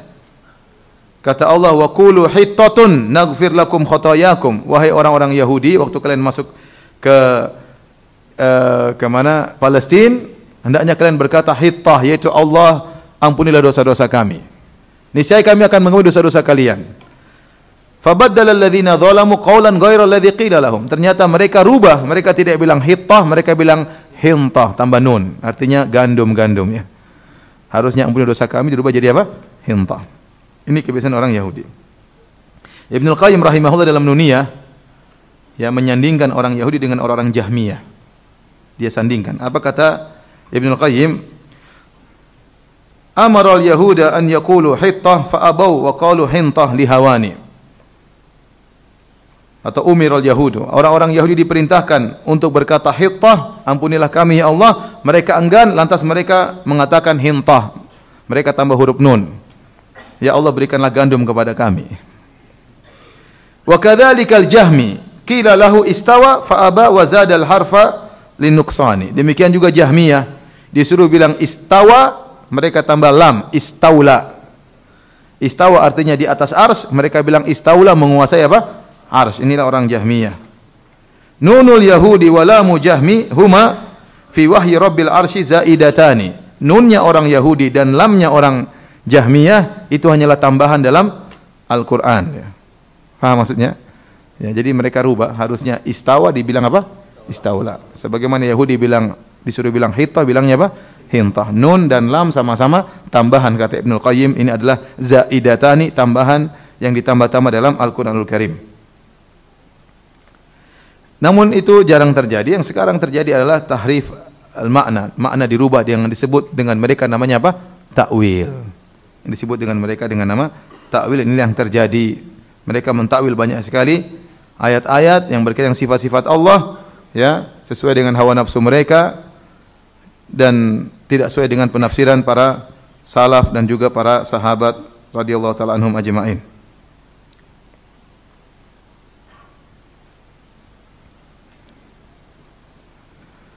uh, di antara metode mereka dalam berdalil, mereka menolak hadis-hadis ahad. Jadi hadis-hadis ada dua, namanya hadis mutawatir, yaitu hadis yang diriwayatkan oleh 10 sahabat atau lebih. Ada namanya hadis ahad. Hadis ahad itu yang meriwayatkan kurang dari 10 sahabat. Nah, dalam Islam, dalam hadis-hadis Nabi, yang mutawatir itu enggak banyak. Entah cuma 10% atau 5% aja. Sisanya 90%, 90% hadis ahad. Tiga sahabat yang riwayatkan, empat sahabat, lima sahabat, dua sahabat, satu sahabat. Yang satu hadis harus sepuluh sahabat riwayatkan enggak banyak. Makanya dibuat syair yang menunjukkan tidak banyak. Mimma tawatara hadithu man kadzab wa man bana lillahi masjidan wahtasab. Ya. Ke, uh, kemudian uh, kata kata sang penyair tersebut di antara hadis mutawatir adalah hadis man kadzaba alaihi muta'ammidan kemudian man bana lillahi masjidan barang siapa yang bangun masjid karena Allah ini juga hadis mutawatir kemudian uh, wal haud ya mizan ya hadis tentang uh, tentang haud tentang telaga Nabi sallallahu alaihi wasallam wa mas'al khufain demikian juga mengusap uh, sepatu atau uh, khuf tatkala berwudu ini di antara hadis mutawatir tidak banyak tidak banyak ya. Para ulama juga menyebut tentang masalah dajjal, tentang adab kubur. Jadi hadis mutawatir itu kalau kita kumpulkan dibandingkan dengan seluruh dalil mungkin sekitar 5%. Sisanya semua hadis ahad. Sahabat yang riwayatkan tidak sampai 10 orang. Nah, mereka ahlul bidah ini mereka bikin klasifikasi. Kata mereka hadis ahad kalau untuk masalah fikih boleh. Kalau tapi kalau masalah akidah enggak boleh. Ini yang bikin begini yang pertama kali orang Mu'tazilah. Kemudian diikuti oleh Jahmiyah, diikuti oleh sebagian Asy'ariyah, ya. Sehingga mereka mengklasifikasikan demikian. Untuk masalah fikih boleh hadis ahad, tapi untuk akidah tidak boleh kecuali hadis apa? Mutawatir. Dengan demikian mereka menolak banyak sekali hadis-hadis tentang akidah Islam. Dan ini adalah cara bid'ah yang tidak pernah diajarkan oleh para ulama a'immatul arba'ah tidak pernah mengajarkan demikian. Lagi pula ya kita tatkala Antum sekarang sholat duha. Sholat duha itu hadisnya ahad. Bukankah waktu antum sholat duha itu hadisnya bukan mutawatir ya? Hadisnya apa? Ahad. Bukankah waktu antum sholat duha antum meyakini dari Nabi wasallam? Sehingga antum sholat, antum semangat. Iya tidak? Tidaklah antum melakukan sholat ini kecuali antum yakin itu akidah tersendiri. Antum yakin ada pahalanya, itu akidah atau bukan? Akidah ya. Hadis-hadis tentang keutamaan ilmu semuanya hadis ahad, rata-rata hadis ahad. Kita mengamalkan kehidupan kita sehari rata-rata hadis apa? Hadis ahad, ya. Bukan hadis mutawatir dan kita melakukannya dengan penuh keyakinan. Kita umrah, ya. Perincian umrah hadis ahad, perincian umrah begini-begini hadis ahad. Perincian haji begini-begini juga hadis ahad. Ya. Perincian zakat begini hadis ahad juga. Semuanya hadis ahad. Kita lakukan dengan keyakinan atau tidak? Dan keyakinan akidah itu benar. Nah, apa fungsi Anda membedakan kalau akidah mengenai Allah berarti harus mutawatir, mengenai fikih Tidak apa-apa hadis ahad. Ya, atau mengenai akidah harus mutawatir. Sehingga mereka bingung terkadang dalam satu hadis misalnya, kata Rasulullah SAW, jika kalian duduk dalam solat, maka ta'awad min arba, berlindunglah kalian dari empat perkara. Allahumma na'udzubika min adzabi jahannam wa min adzabil qabri fitil mayamat wa min fitil masjid dajjal. Berlindung dari empat perkara. Empat perkara ini semuanya akidah. Adab neraka akidah bukan? Akidah. Adab kubur akidah atau bukan? Akidah. Ya. Kemudian fitnah kehidupan, eh, fitnah kematian, fitnah dajjal. Ini semua akidah. Nah, kalau kita mengikuti metode mereka untuk masalah fikih boleh hadis ahad. Berarti kita bisa mengambil faedah dari hadis ini hukumnya disunnahkannya berdoa sebelum salam. Kan? Ini kan masalah salat. Apa bisa ini hadis hadis ini apa bisa ambil kita ambil hukumnya? Hukumnya kita boleh sunnah disunnahkan untuk berdoa sebelum salam. Hadis ahad tidak apa-apa, tapi isinya akidah. Ya. Faham atau tidak? Kalau kita menyuruh mereka untuk menerapkan ini, mereka sulit menerapkan. Kenapa kata mereka untuk masalah fikih boleh pakai hadis ahad, untuk masalah akidah tidak boleh memakai hadis ahad. Nah, ini hadis ahad dalamnya ada fikih, dalamnya ada akidah. Ente tolak atau ente terima maksud saya begitu. Kalau ente terima berarti boleh diambil kesimpulan boleh sunnahnya berdoa sebelum salam, tapi isinya apa? Akidah. Kalau ente tolak ini masalah fikih, dia bingung sendiri ya. Terus kita bilang, ente punya keyakinan seperti ini bahwasanya akidah harus dari hadis mutawatir, itu juga akidah. Mana dalilnya? Mana dalilnya mutawatir? Bahwasanya sahabat berkata kalau masalah akidah harus dengan hadis mutawatir, mana hadisnya seperti itu? Hadis ahad pun tidak ada ya. Itu hanya karangan mereka.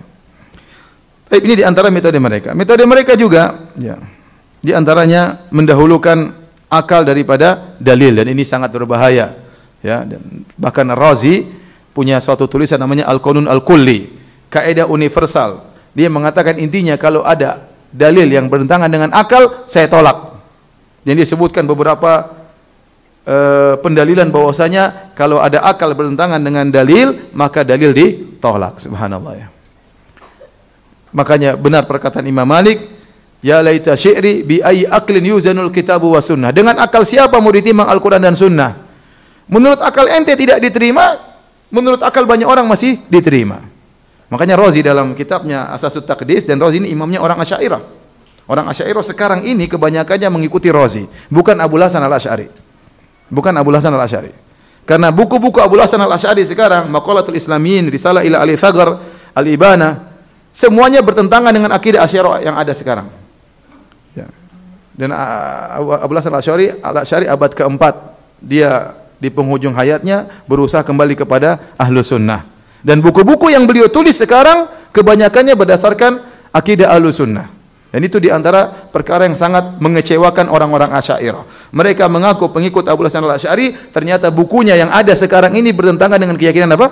Mereka. Mereka itu hanya mengikuti Ar-Razi abad ke-6 kalau tidak salah. Nah, Ar-Razi ini dalam Asasut Taqdis dia menolak tentang istiwa alal arsh dengan otak beliau.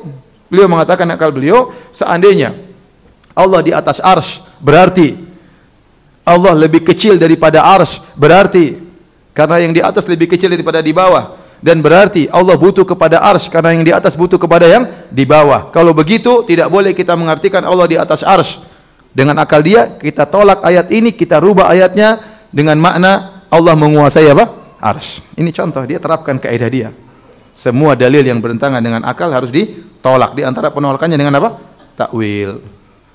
Maka dibantah sangat mudah ya. Kita bilang tidak semua yang di atas lebih kecil daripada yang di bawah. Buktinya langit lebih tinggi daripada apa? Bumi. Dan langit lebih besar daripada bumi. Tidak berarti yang di bawah menaungi yang di atas. Bukankah bumi tidak menaungi langit? Bahkan bumi dalam apa? Langit. Tidak semua yang di atas butuh kepada yang di bawah. Bukankah langit tidak butuh kepada bumi? Ya. Rafa as-samaa bi ghairi amadin tarawunaha. Allah mengangkat langit tanpa ada tiang yang yang menyanggahnya dari bumi, enggak ada. Kalau langit dan bumi saja, langit di atas ternyata langit lebih besar daripada bumi, langit tidak butuh kepada bumi, langit yang di atas mengayomi yang di bawah, itu antara makhluk dengan makhluk apalagi antara Allah dengan makhluk. Allah di atas ars bukan berarti Allah lebih kecil daripada ars. Ini maksud saya contoh, dia pakai akal dia, menurut akal dia mungkin yang terhebat. Menurut dia tidak masuk akal, menurut banyak orang masih masuk akal. Nah, kalau kita menjadikan syariat harus ditimbang dengan akal, akal siapa yang menjadi patokan? Akal siapa yang menjadi patokan? Akalnya Ar-Razi, akalnya Asy'ariyah, akalnya Mu'tazilah, akalnya Jahmiyah atau akalnya sahabat? Siapa yang menjadi patokan? Makanya benar kata Imam Malik, bi ai aklin yuzanul kitab wa sunnah. Dengan akal siapa kita menimbang Al-Qur'an dan Sunnah? Kalau kita caranya menimbang agama dengan akal, kita akan berpindah-pindah agama kita. Ketemu orang lebih pintar berakal, kita pindah lagi akidah kita, berubah-ubah. Oleh karena di antara cara mereka menolak uh, uh, metode mereka adalah dengan mendahulukan akal daripada dalil dan ini metode yang sangat berbahaya. Makanya Ibnu Taimiyah menulis buku judulnya Daru Ta'arudil Akal wa Nakal. Dicetak sekarang kalau tidak salah 9 jilid untuk membantah Rozi ini. Rozi ini tulis cuma dua lembar kalau nggak salah. Dibantah 9 jilid. dan diikuti oleh Ibnu Qayyim dalam uh, Sawa'iqul Mursalah dia bantah dengan puluhan bantahan terhadap orang yang mendahulukan akal daripada dalil. Kalau antum bisa baca sungguh indah ya. Dan dia mengatakan ini sebagian kecil daripada lautan ilmu guru saya Ibnu Taimiyah rahimahullahu taala. Taib. Di antara uh, metode mereka dalam menolak dalil, mereka mengikuti mutasyabihat meninggalkan yang muhkam. Jadi dalam ayat dan hadis itu ayat ada ayat muhkam ada mutasyabih. Muhkam itu apa jelas. Mutasyabih itu ayat-ayat yang ada samar-samarnya sehingga terkadang bisa ditarik ulur.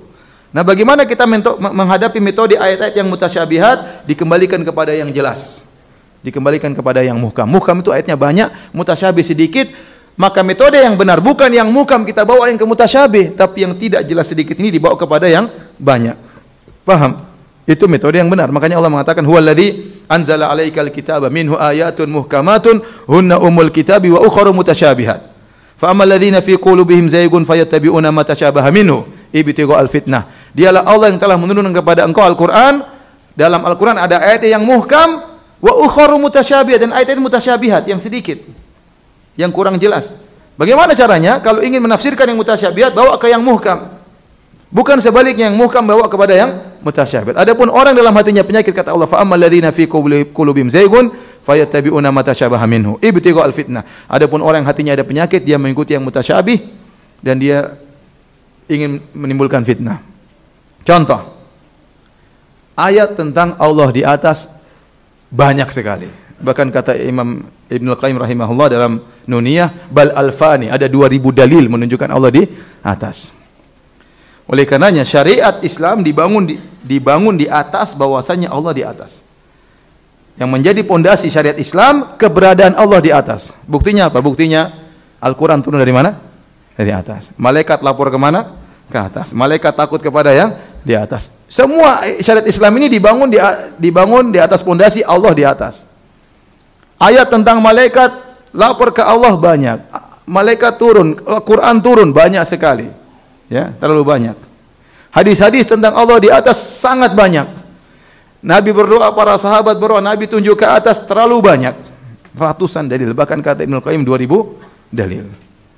Bahkan perkara yang diakui oleh masyarakat dengan fitrah mereka kalau ada masalah mereka mengatakan kita serahkan kepada yang di atas. Enggak ada yang bilang kita serahkan kepada yang di mana-mana. Kalau ada orang bilang begitu, ini masalah kita besar, sudah serahkan saja kepada yang di mana-mana.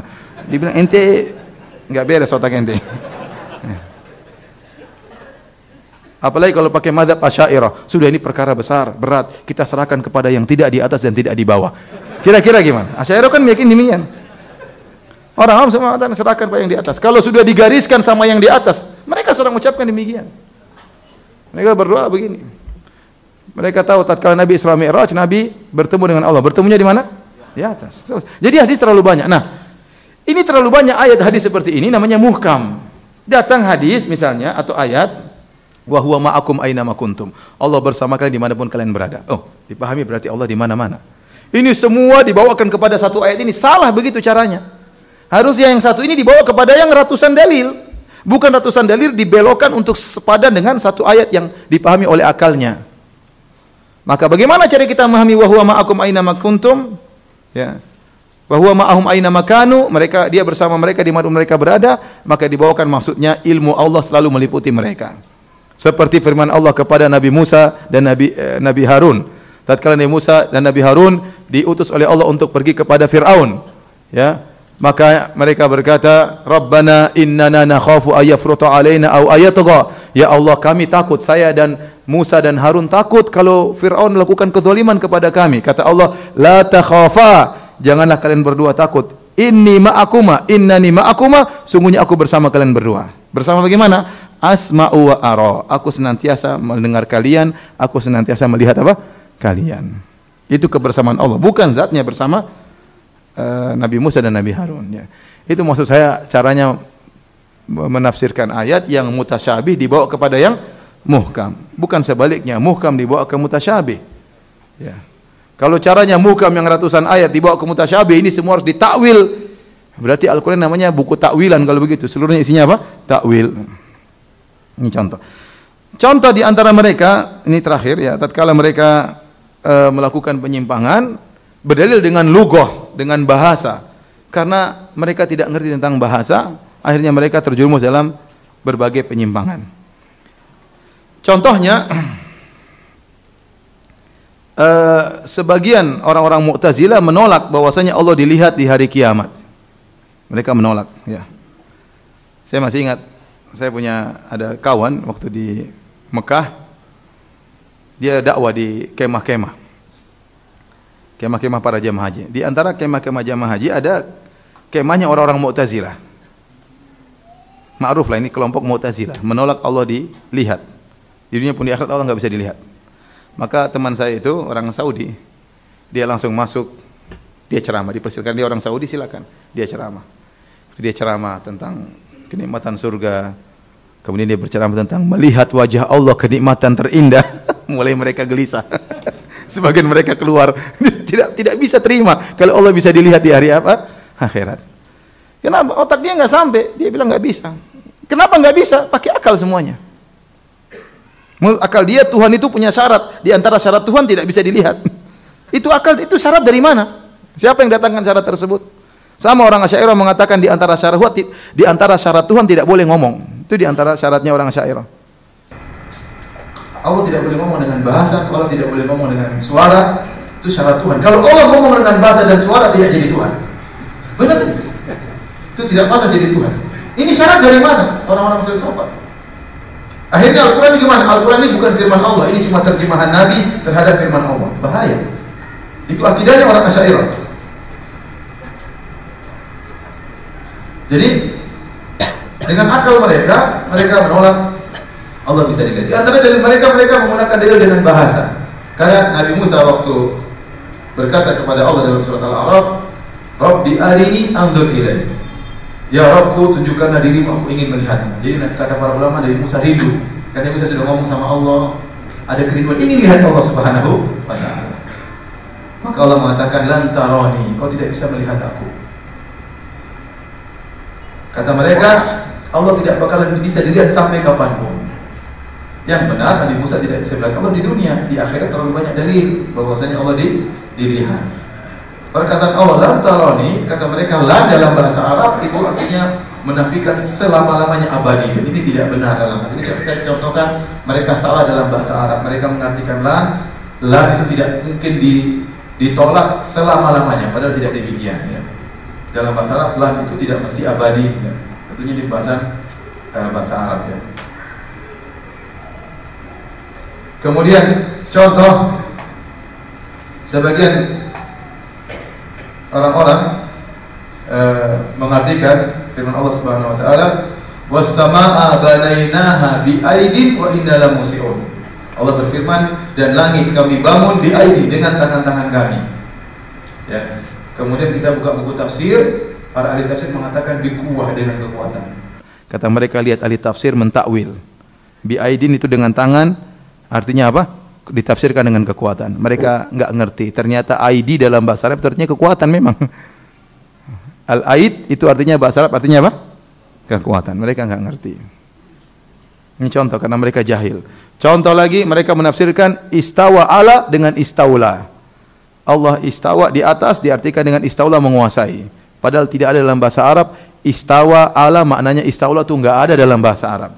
Tapi karena mereka sudah meyakini terlebih dahulu, mereka gatok-gatokkan kalau bahasa kita. Dicari pas ngepas ngepasi ya. Ternyata tidak ada dalam bahasa Arab. Contohnya juga Allah berfirman, Nasullaha fanasiyahum. Nasi dalam bahasa Arab, nasiya bisa dua makna. Bisa artinya lupa, bisa artinya meninggalkan. Dan ini disebutkan dalam buku-buku bahasa. Seperti Ibnu Faris menyebutkan nasiya bermakna taroka, meninggalkan. Kata mereka, coba ente mau tafsirkan ayat ini. Allah lupa. Apakah Allah lupa? Berarti harus ditakwil. Ini karena kejadian ada seorang dai di YouTube bilang begitu. Apakah Allah lupa? Dia enggak tahu bahasa Arab. Padahal nasiya itu dalam bahasa Arab bisa artinya meninggalkan, bisa artinya apa? Lupa. Dalam yang berkaitan dengan Allah artinya mening meninggalkan. Allah tinggalkan apa? Mereka. Ini contoh maksud saya karena kejahilan dengan bahasa Arab akhirnya mereka terjerumus dalam penyimpangan-penyimpangan. Masih ada yang terakhir, sabar ya. Selain mereka memiliki metode yang aneh-aneh, mereka juga bikin metode-metode baru yang mereka jadikan usul pokok dalam agama mereka. Contohnya, orang-orang Rafidah mereka menimbulkan suatu uh, sumber hukum yang baru, yaitu Al-Quran, Sunnah, dan sunnahnya para a'imah, para imam-imam mereka. Ini sangat berbahaya karena mereka menganggap imam mereka maksum. Imam mereka 12 orang semuanya maksum. Namanya kalau maksum nggak mungkin apa? Salah. Kalau nggak mungkin salah berarti seluruh perkataan perbuatannya adalah sumber hukum. Makanya kedudukan perkataan dan perbuatan imam mereka seperti hadis. Seperti hadis. Makanya kalau antum buka buku-buku mereka, Usulul Kafi, Biharul Anwar, ya buku-buku hadisnya orang-orang Syiah isinya hadis-hadis imam. Hadis-hadis apa? Imam. Kalau kita Ahlussunnah, orang Islam cuma dua, Al-Qur'an sama hadis Nabi. Tidak ada hadis Abu Bakar, nggak ada hadis apa? Umar karena Abu Bakar dan Umar tidak maksum. Nah, mereka punya 12 imam, mereka anggap semuanya maksum. Makanya dalam buku-buku mereka bukan cuma hadis Nabi, hadis imam juga kedudukannya sama dengan hadis Nabi. Dan ini sumber hukum yang baru. Paham? Saya berdebat dengan orang Syiah saya pernah bilang, Anda punya sumber hukum yang ketiga. Apa itu? Al-Qur'an, hadis, hadis imam. ini bahaya, nggak mungkin nyambung kita dengan Anda. Kalau kita mau nyambung, mau berdiskusi, kata Allah fa in tanaza'tum faruddu ila Allahi war Rasul. Kalau kalian berselisih, kembalilah kepada Allah dan Rasulnya. Ya, sekarang harus ada tambahan yang ketiga, kembalikan kepada imam, repot. Ya. Nah, kalau kita sumber hukumnya beda, gimana kita mau nyambung? Saya punya A dan B, engkau punya A, B dan C, repot, nggak nyambung. Ini contoh mereka bikin sumber hukum yang yang baru. Jadi antum tidak bakalan nyambung dengan orang-orang Syiah. Contohnya juga falasifa al-batiniyah seperti Koromito dan yang lainnya. Firqah batiniyah itu firqah apa? Yang memiliki tafsiran batin dan tafsiran apa? Zahir. Antum semua yang antum baca semua dalam buku tafsir Ibnu Katsir, kemudian tafsir At-Tabari, tafsir Al-Baghawi, semua tafsir itu tafsir zahir. Mereka punya kaidah sendiri namanya tafsir apa? Batin. Nah, enggak nyambung gimana? Antum berkata berkata Syafi'i itu zahir. Berkata Hanafi, berkata Hambali itu semuanya apa? Zahir. Kita punya tafsir apa? Batin. Itu enggak bakalan nyambung, percuma. Hmm. Seperti mereka menafsirkan Qaramito. Puasa, puasa artinya menahan. Menurut tafsir zahir, menahan makan dan minum. Menurut tafsir batin menjaga rahasia. Haji, haji menurut tafsir zahir pergi ke Mekah sana tawaf di Ka'bah, pergi ke Arafah dan selanjutnya. Kata mereka tafsir batinnya kami haji itu mengunjungi guru-guru kami. Kan nggak nyambung repot. Ya, antum nggak bakalan nyambung dengan orang yang punya kaidah seperti ini. Ada tafsir zahir ada tafsir batin ya. Makanya itu syariat kita sudah hakikat. Hakikat apa? Nggak sholat. Yang masih sholat namanya apa? Syariat. Di tafsir zahir kita tafsir apa? Batin. Kemudian namanya kasyaf wal ilham. Kasyaf dibukakan oleh Allah tafsiran-tafsiran baru ada ilham-ilham ini juga repot zaman sekarang Contoh, ada sebuah solat yang dilakukan orang-orang Indonesia disebut dengan solat Rebu Wekasan. Itu solat dilakukan di akhir bulan Sofar, hari Rebu. Menurut mereka itu hari banyak musibah. Makanya untuk bisa menghilangkan musibah tersebut, lakukanlah solat namanya solat tolak bala. Dari mana? Sebagian dai saya nonton di YouTube dia mengatakan ini seorang syekh dapat ilham.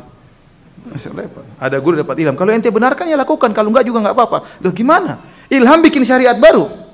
Ini syariat salat Rabu Wakasan ini adalah bid'ah dibangun di atas kesyirikan. Saya ulangi, bid'ah dibangun di atas apa? Kesyirikan. Kenapa saya bilang kesyirikan? Karena itu tatoyur menganggap hari Rabu hari sial itu adalah tatoyur dan kata Nabi atiyaratu syirkun. Tatoyur itu apa? Syirik. Apalagi Nabi mengatakan la sofar, tidak ada kesialan dalam bulan sofar. Dia bilang ada di minggu terakhir, hari Rabu, namanya hari sial. Supaya tidak terkena sial, kita bikin solat, namanya solat apa? Penolak bala. Ini solat bid'ah dibangun di atas apa? Kesyirikan. Dalilnya ilham. Ilham. Repot. Ikhwan ya. Aneh-aneh orang sekarang ya. Ada bilang ilham, ada yang bilang bisa baca hati manusia, subhanallah. Ada orang dia bisa baca hati orang. Gimana baca hati orang? Nabi sih tidak tahu hati orang. Nabi tidak tahu ada orang munafik sebagai Nabi tidak tahu mereka. Wa mimman haulakum minal a'rabi munafiquna. Wa min ahli al-Madinati maradu ala nifaqi la ta'lamuhum nahnu na'lamuhum sanu'adzibuhum marratain dalam surat At-Taubah. Kata Allah di sekelilingmu ada orang-orang munafik yang kau tahu dan ada yang kau tidak tahu wahai Muhammad. Kalau Nabi tahu isi hati manusia, Nabi akan tahu semua mana munafik, mana bukan munafik. Nabi tidak isi hati manusia. Waktu Aisyah dituduh berzina, Nabi bingung istrinya berzina atau tidak. Nabi tidak tahu. Kalau Nabi tahu isi hati manusia, Nabi tahu, oh Aisyah enggak zina. Dia jujur. Nabi enggak tahu. Siapa yang kasih tahu Aisyah tidak berzina? Allah Subhanahu wa taala. Kemudian datang orang sekarang, oh ini ada tahu isi hati manusia dia tahu, repot. Dengan mimpi lagi, macam-macam lagi. Jadi ikhwan, anda sekarang bisa bedakan mana insya Allah mana pendalilan ahlu sunnah, mana pendalilan bukan dari apa ahlu sunnah. Maka seorang berusaha beragama dengan akidah yang benar, bertemu dengan Allah dengan dalil yang benar, bukan dengan metode pendalilan ahlul bidah. Demikian saja ya uh, kajian kita. Ada yang bertanya kan? Banyak ya.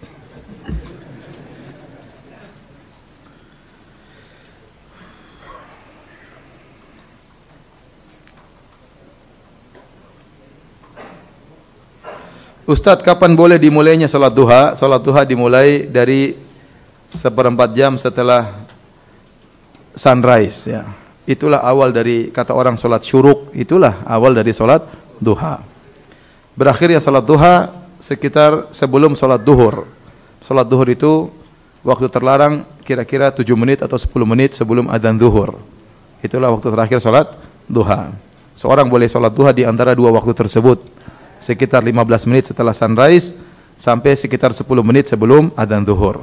Dan yang terbaik adalah sekitar jam 10 setengah 11. Kata Nabi SAW, Salatul awabin hina turmadul fisal. Salatnya orang-orang awab yang senantiasa kembali kepada Allah salat duha tatkala anak onta kepanasan. Kata Syekh bin Bas rahimahullah sekitar jam 10 setengah 11 siang pagi.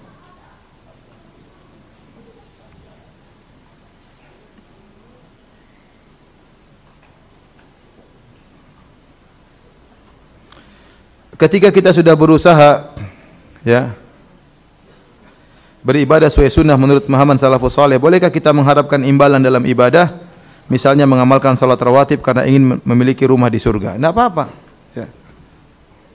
Man shalla fil yaumi wa laila thinta asyrata raka'ah banallahu bihinna baitan fil jannah. Barang siapa yang salat rawatib, Allah bangunkan istana di surga. Nabi yang ngomong gitu. Berarti Nabi kan ngiming-ngimingin istana di surga. Berarti boleh nggak kita minta itu? Boleh, Nabi ngiming-ngimingin. Kalau nggak boleh berarti Nabi menyesatkan dong.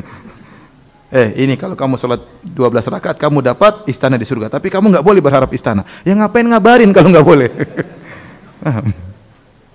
boleh nggak ada masalah. Yang penting niatnya karena Allah Subhanahu Wa Taala. Sama orang bilang tidak boleh ente beribadah karena surga. Gimana karena surga? Allah dalam Al-Quran banyak sekali sebut surga. Waktu para kaum Ansor berjanji buat perjanjian uh, apa namanya uh, apa perjanjian Aqabah sebelum Nabi berhijrah. Kemudian Bayatul Aqabah, kemudian Nabi bertanya, "Saya kalau ke Madinah bagaimana?" Kata kaum Ansar, "Kalau Anda ke Madinah wahai Nabi, kami akan bela Anda sebagaimana kami bela diri kami dan bela anak-anak kami, bela istri-istri kami." Terus para sahabat Ansar tanya, "Ya Rasulullah, kalau kami sudah bela engkau, kami dapat apa?" Gantian kan? Dealnya gimana? Kalau kamu engkau ke Madinah, kami akan bela mati-matian. Kalau kami sudah bela engkau, kami dapat apa? Kata Nabi, surga. Terus Nabi bilang, nggak boleh harap surga? Jadi nggak benar itu orang, sebagian orang terlalu maksudnya menganggap mungkin dia harus karena cinta, harus karena cinta. Ya akhi, yang paling cinta kepada Allah adalah Nabi Muhammad dan Nabi Ibrahim. Sampai keduanya alaihi wasallam diberi gelar dengan Khalilur Rahman, orang yang dicintai oleh Allah Subhanahu kekasih Allah dua-duanya itu. Nabi yang lain tidak dapat gelar ini. Yang dapat gelar kekasih Allah cuma dua. Nabi Muhammad SAW dengan siapa? Nabi Ibrahim. Itu pun keduanya minta surga. Nabi Ibrahim, waj'alni mi warathi jannati naim. Ya Allah berikanlah aku surga yang penuh kenikmatan. Nabi Muhammad dalam terlalu banyak ayat, dalam banyak hadis, Allahumma inna as'alukal jannah. Ya Allah, aku minta apa? Surga. Nabi suruh kita minta surga. Idza sa'altumullah fas'alul firdaus. Kalau kau minta sesuatu kepada Allah, mintalah surga firdaus. Ini uh, dalil pakai akal, pakai perasaan. Kalau kita dalil pakai apa? Pakai dalil, jangan pakai perasaan. Dalil menunjukkan boleh kita minta surga kepada Allah Subhanahu wa taala. Dan di surga ada puncak kenikmatan melihat wajah Allah Subhanahu wa taala.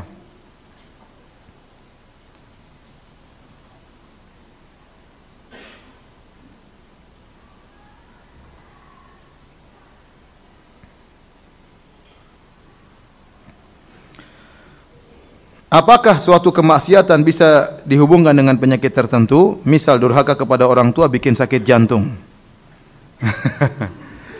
Maksiat bisa menimbulkan berbagai macam musibah. Tidak ada musibah yang menimpa kita kecuali karena maksiat. Ma asabakum musibatin fabima kasabat aydikum. Tidak ada musibah yang menimpa kalian kecuali karena akibat perbuatan kalian. Nabi mengatakan ma yusibul muslim min nasabin wala wasabin wala hammin wala hazanin wala ghammin wala adhan wala syauka yushakuha illa kafarallahu bi khatayahu. Tidaklah seorang muslim ditimpa dengan sakit, keletihan, kesedihan tentang masa lalu, hamin kekhawatiran tentang masa depan, kegelisahan ghammin, uh, disakiti oleh orang, diganggu oleh orang, terkena duri kecuali Allah akan menghapuskan dosa-dosanya. Berarti ini semua sebab dosa. Orang letih, sedih, gelisah itu semua karena apa? Dosa. Di antaranya penyakit. Di antaranya penyakit. Oleh karenanya memang benar bisa jadi penyakit karena apa? Dosa.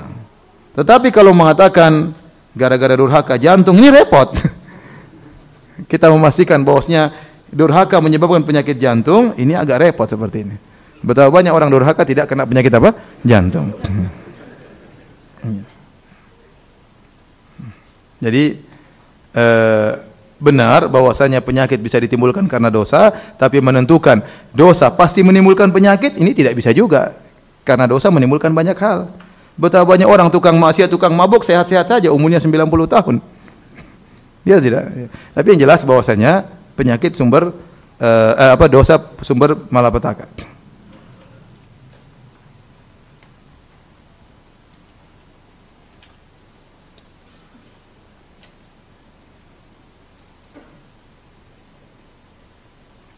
Ustaz, apakah hadis dhaif boleh digabungkan dengan hadis sahih ketika melakukan suatu ibadah, contohnya berdoa berbuka puasa? Uh, hadis uh, berbuka puasa, hadisnya Hasan ya. Dhahaba dhama wa abtalatil uruq wa thabatul ajr. Insyaallah sebagian ulama mendhaifkan tapi sebagian ulama menghasankan hadis tersebut ya. Dan secara umum kita boleh berdoa dengan doa yang lain karena dianjurkan seorang tatkala berbuka ber doa. Makanya Syekhul Islam Taimiyah mengatakan boleh kita berdoa dengan Allahumma laka sumtu bika amantu ya. Karena doanya disyariatkan. Adapun lafal-lafal ya, bisa saja dengan per perkataan salaf, pembahasan salaf atau hadis yang dhaif selama uh, bukan menimbulkan syariat baru. Faham? Bukankah kalau kita berpuasa kita boleh berdoa? Boleh. Bukankah kalau kita berbuka kita boleh berdoa? Nah, doanya apa? Itu jadi masalah. Doanya apa? Nah, sebagian ulama mengatakan doanya dengan zahabat dhama'u karena hadisnya apa? Hasan. Sebagian ulama mengatakan itu pun doif, bebas dengan doa-doa yang lainnya, yang mana saja. Ya, apakah itu atau yang lainnya, bebas yang penting berdoa. Karena di antara uh, keistimewaan orang yang berpuasa, uh, salah satu la turaddu da'watuhum, tiga orang yang doanya tidak akan ditolak di antaranya as-shaim hatta yuftir. Orang yang berpuasa sampai dia berbuka. Dan dalam sebagian riwayat uh, inna lisaim dakwatan uh, inda fitrihi dakwatan la turab. Orang yang berpuasa doanya tidak ditolak tatkala dia berbuka. Dia berbuka. Hadis ini juga diperselisihkan. Ada yang mengatakan dhaif, ada yang mengatakan hasan ya. Tapi Ibnu Katsir rahimahullah berpendapat bahwasanya di antara dianjurkan seorang berdoa adalah tatkala hendak berbuka dan itu juga pendapat Syekh Utsaimin rahimahullahu taala. Oleh karena saya ingatkan nanti tatkala antum puasa jangan lupa sebelum berbuka ber berdoa. Apakah Anda terlalu cemburu sebagai laki-laki jika melihat sikap akhwat yang sedang proses ta'aruf dengan Anda? Suka melike foto-foto non mahram walaupun itu temannya. Apakah cemburu itu wajar atau berlebihan? Bagaimana menyikapinya Ustaz? Jadi baru ta'aruf belum menjadi milik ya. Ini akhwat ta'aruf dengan ikhwan. Ikhwannya ngecek Facebooknya. Ternyata si akhwat ini suka nge-like-like apa? Ikhwan non mahram. Dia cemburu, wajar atau tidak? Wajar. Itu wajar ya. Ini mau jadi istri kita modelnya suka nge-like ikhwan-ikhwan yang lain, aduh. Mending enggak usah. Jangan-jangan setelah kita nikah masih berlanjut. yang lain semuanya begini, pas kita foto kita begini.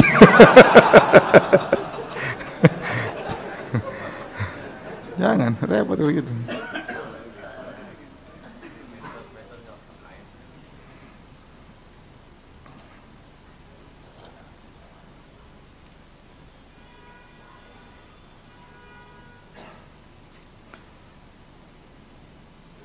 Bagaimana menanamkan tauhid pada anak sehingga mudah dipahami oleh anak? Tauhid sangat mudah, fitrah. Dia bilang yang disembah pencipta alam semesta ini yang disembah cuma Allah Subhanahu wa taala. Gampang itu masa orang nyembah sapi, masa orang nyembah apa? pohon, masa orang minta sama orang mati. Kan itu sebenarnya logis kita. Kita bilang itu semua ngawur itu, enggak masuk akal. Masa orang mati diminta-mintain. Ya. Kamu yang solatin, kamu yang mandiin, kamu yang ngantar ke kuburan, kamu minta lagi sama dia. enggak enggak logis ya ah, kasih sajian-sajian, semuanya nggak logis. Ya. Semuanya nggak logis. Burung hantu, kalau ada burung hantu berarti ada yang meninggal dunia. Apa logisnya burung hantu dengan orang meninggal? Ada dua ekor burung hantu datang ke rumah, pung, pung, pung, waduh. Akan ada dua orang meninggal dunia. Ya, akhi, subhanallah. Ini burung hantu lagi bercanda sama istrinya, ente. Saya punya kawan, dia apa namanya? Dia punya perusahaan sawit, apa kebun sawit. Kebun sawit itu ada hama, hamanya itu tikus merusak sawit. Nah, untuk menghilangkan hama tikus tersebut, yang saya tahu dari dua teman saya, dua-dua di perusahaan sawit yang berbeda dengan dua metode. Satu metode dengan ular kobra, ular kobra untuk makan tikus-tikus tersebut. Nah, dan ini uh, dan satunya lagi dengan burung hantu. Nah, ada di satu perusahaan ini orang tukang mem membiakkan burung hantu, ya. Nah, burung hantu itu fungsinya untuk apa? Nangkap apa? Tikus. Coba. Dia berarti mendatangkan orang mati banyak kalau kalau setiap burung hantu mewakili satu orang mati bahaya. itu enggak benar. Apa hubungannya? Sekarang dia bicara tauhid gampang sekali. Apa hubungannya orang keluar rumah tahu-tahu ada merpati yang beolin. Terus ente sial. Ya, aduh saya enggak jadi keluar bahaya. Baru keluar rumah kena beolan burung merpati. Enggak usah lagi protes, wahai burung merpati. Bumi ini luas. Kenapa kepala saya yang ente pilih? Kalau burung merpati bisa bicara, dia akan jawab. Ya. Kamu juga saya suruh keluar pas saya lagi beol. apa hubungannya dengan kesialan? Ada kesialan kebetulan aja, apa hubungan dengan kesialan? Jadi, jadi sebenarnya tauhid itu fitrah.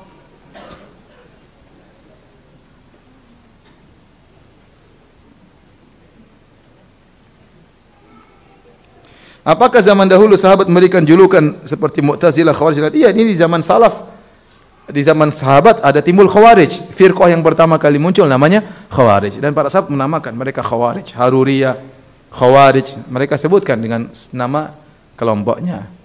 Kemudian muncul belakangan muncullah firqah Mu'tazilah, firqah Murji'ah ya dan itu di, di, disebutkan kelompok-kelompok tersebut agar kita waspada. Orang ini punya pemikiran apa?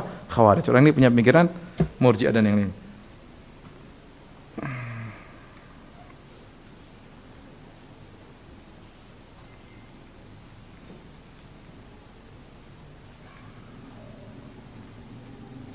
Ustaz bagaimana cara membedakan hadis yang doif dan doif jiddan dan yang ringan? Ente tanya sama Ustaz aja lah. Ini nggak gampang, ini harus belajar rijal, belajar yang lainnya ya mustalah hadis, kemudian masalah uh, rijalul hadis, enggak gampang. Serahkan kepada ahlinya.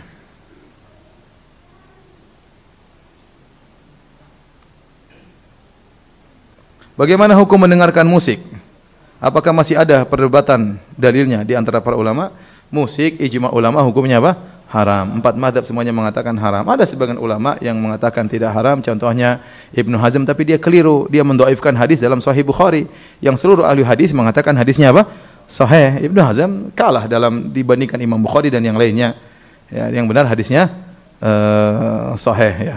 Bahkan Syekh Albani membuat suatu kitab mengumpulkan hadis-hadis tentang yang menyatakan haramnya musik. Dan seluruh mazhab semua mengatakan musik itu haram. Di antara mazhab yang paling keras mengatakan musik haram di antaranya mazhab Syafi'i. Imam Syafi'i. Imam Syafi'i dalam kitabnya Al-Um ya, dan juga yang lainnya. Seperti uh, Ibnu Hajar Al-Haytami dalam kitabnya Zawajir an Iktirafil Kabair, peringatan terhadap dosa-dosa besar, dia memasukkan musik termasuk dosa besar.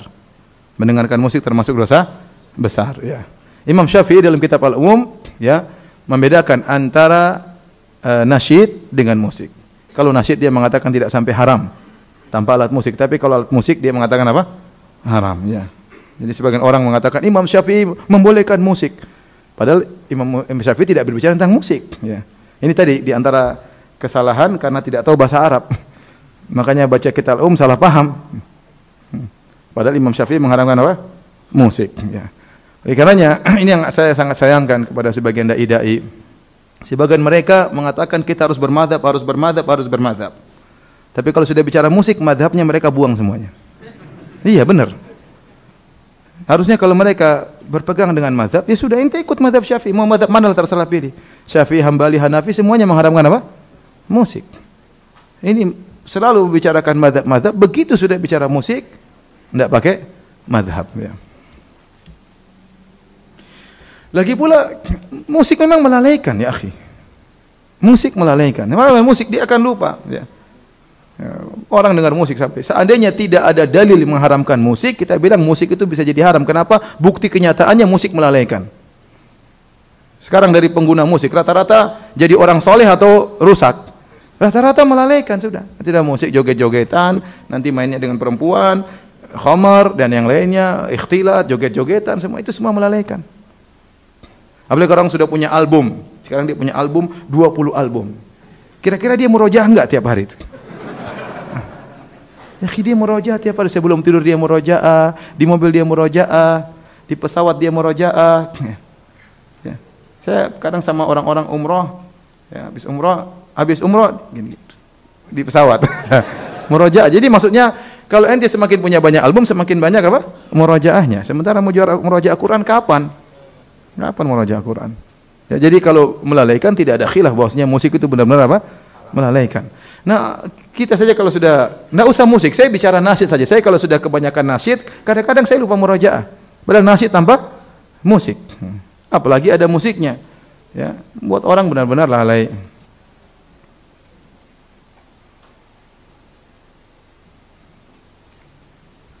Sudah siang ya? Sudahlah sampai sini saja. insyaallah kita lanjutkan pada pertemuan yang ketiga di lain waktu insyaallah taala. Demikian kurang lebihnya saya mohon maaf. Subhanakallah bihamdik asyhadu an la ilaha illa anta. Assalamualaikum warahmatullahi wabarakatuh.